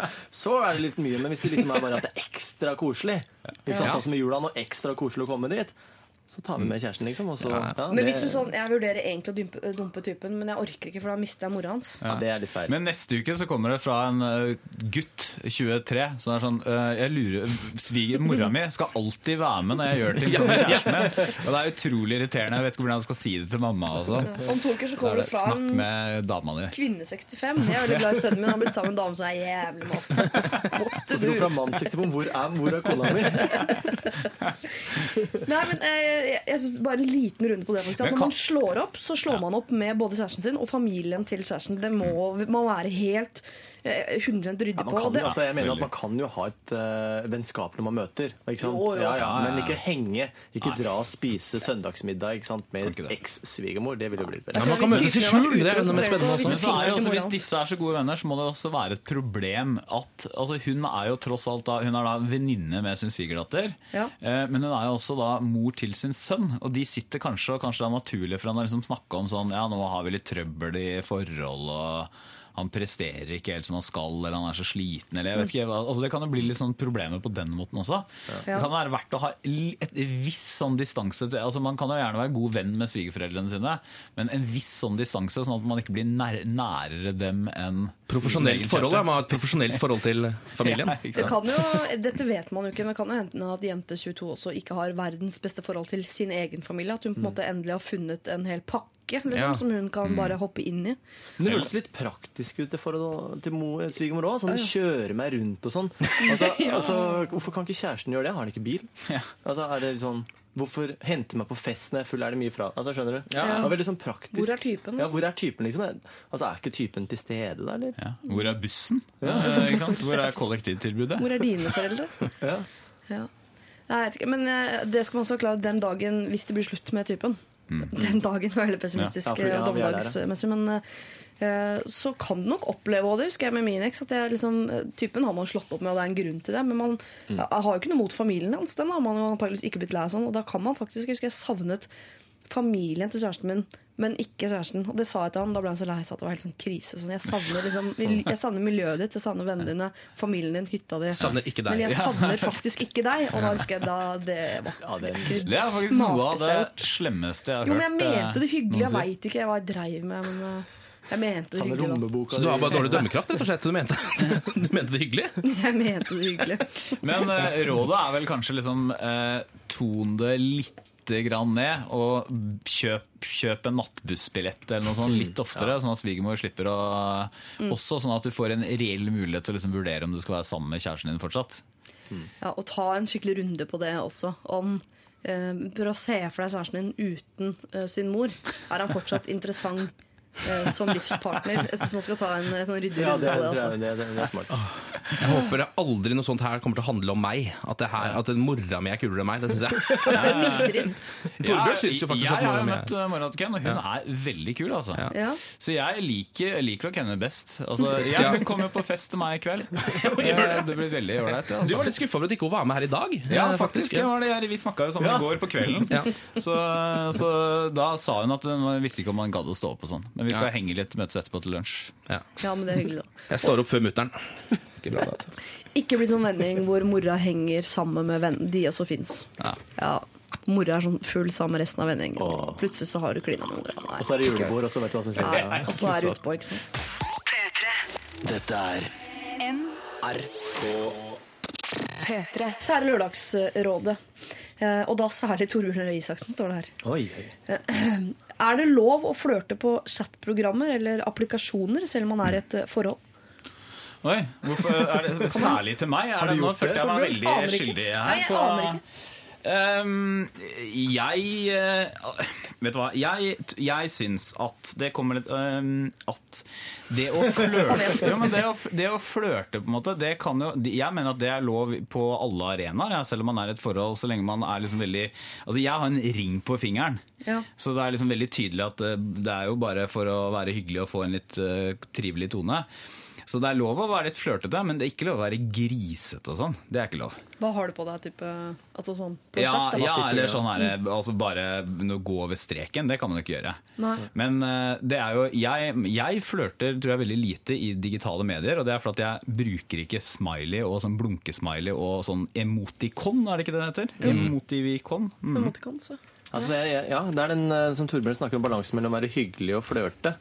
Altså, noe er jo bare å være hyggelig, liksom være hyggelig å svare tilbake og eh, kanskje stille noen spørsmål som ikke eh, du ser på som flørtende, men hvis du begynner liksom å hva, hva gjør du, hvor er du? Altså begynner å Ja, er- gå litt over, Du skjønner med en gang at hvor grensa går, da, i hvert fall mener jeg. da. Men det er lov å flørte i den grad at det, at det er hyggelig. da. Ja, altså ha litt sånn glimt, litt sånn glimt Ja, i litt øyet, glimt, skjønner du hva jeg liksom. mener? Ja, men jeg Det skjønner, er lov. hvis, altså, så greit sånn eh, Facebook ble nevnt, så man kan selvfølgelig snakke med noen på Facebook, men idet du går inn i et chatterom, så går du på ja, sånn ja. Sol-chatten liksom, og begynner Ja. å snakke med folk du te- Det men- hadde jeg ikke sånn- digga om jeg kom hjem en dag og satt eh, er jeg lokføreren på Sol-chat, liksom. Nei, det er sant. Nei, det, men det er ikke lov. Altså, Nå må jeg du- Facebook og sånn, ja. ja. For jeg tenkte mer sånn at Hvis det er offentlig sånn åpent der hvor alle kan se det og sånn, men hvis man har en eh, partner som da hver kveld sitter og prater med folk som da er, ja, kan være alt fra 10 til 90 Ja, eh, med en flørtete tone under et falsk nikk, Ja.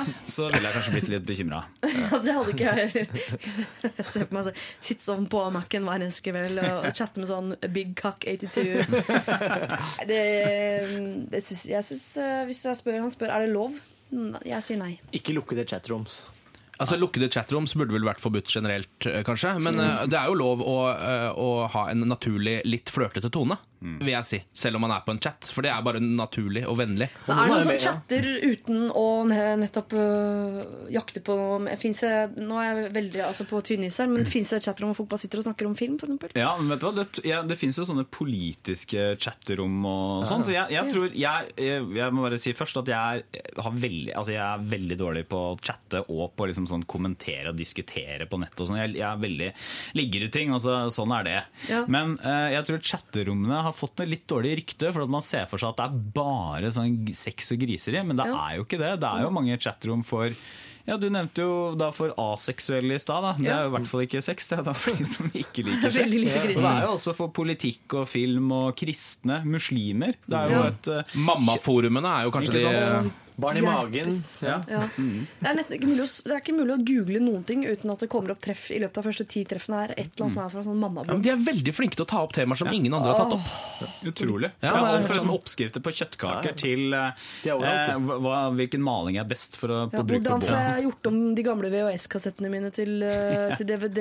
Da er det sånn, ja. Ja, men det er sånn, Hva gjør Jarl Goli nå? Altså, det, det er, alt er der inne. Ja. Alt er der inne.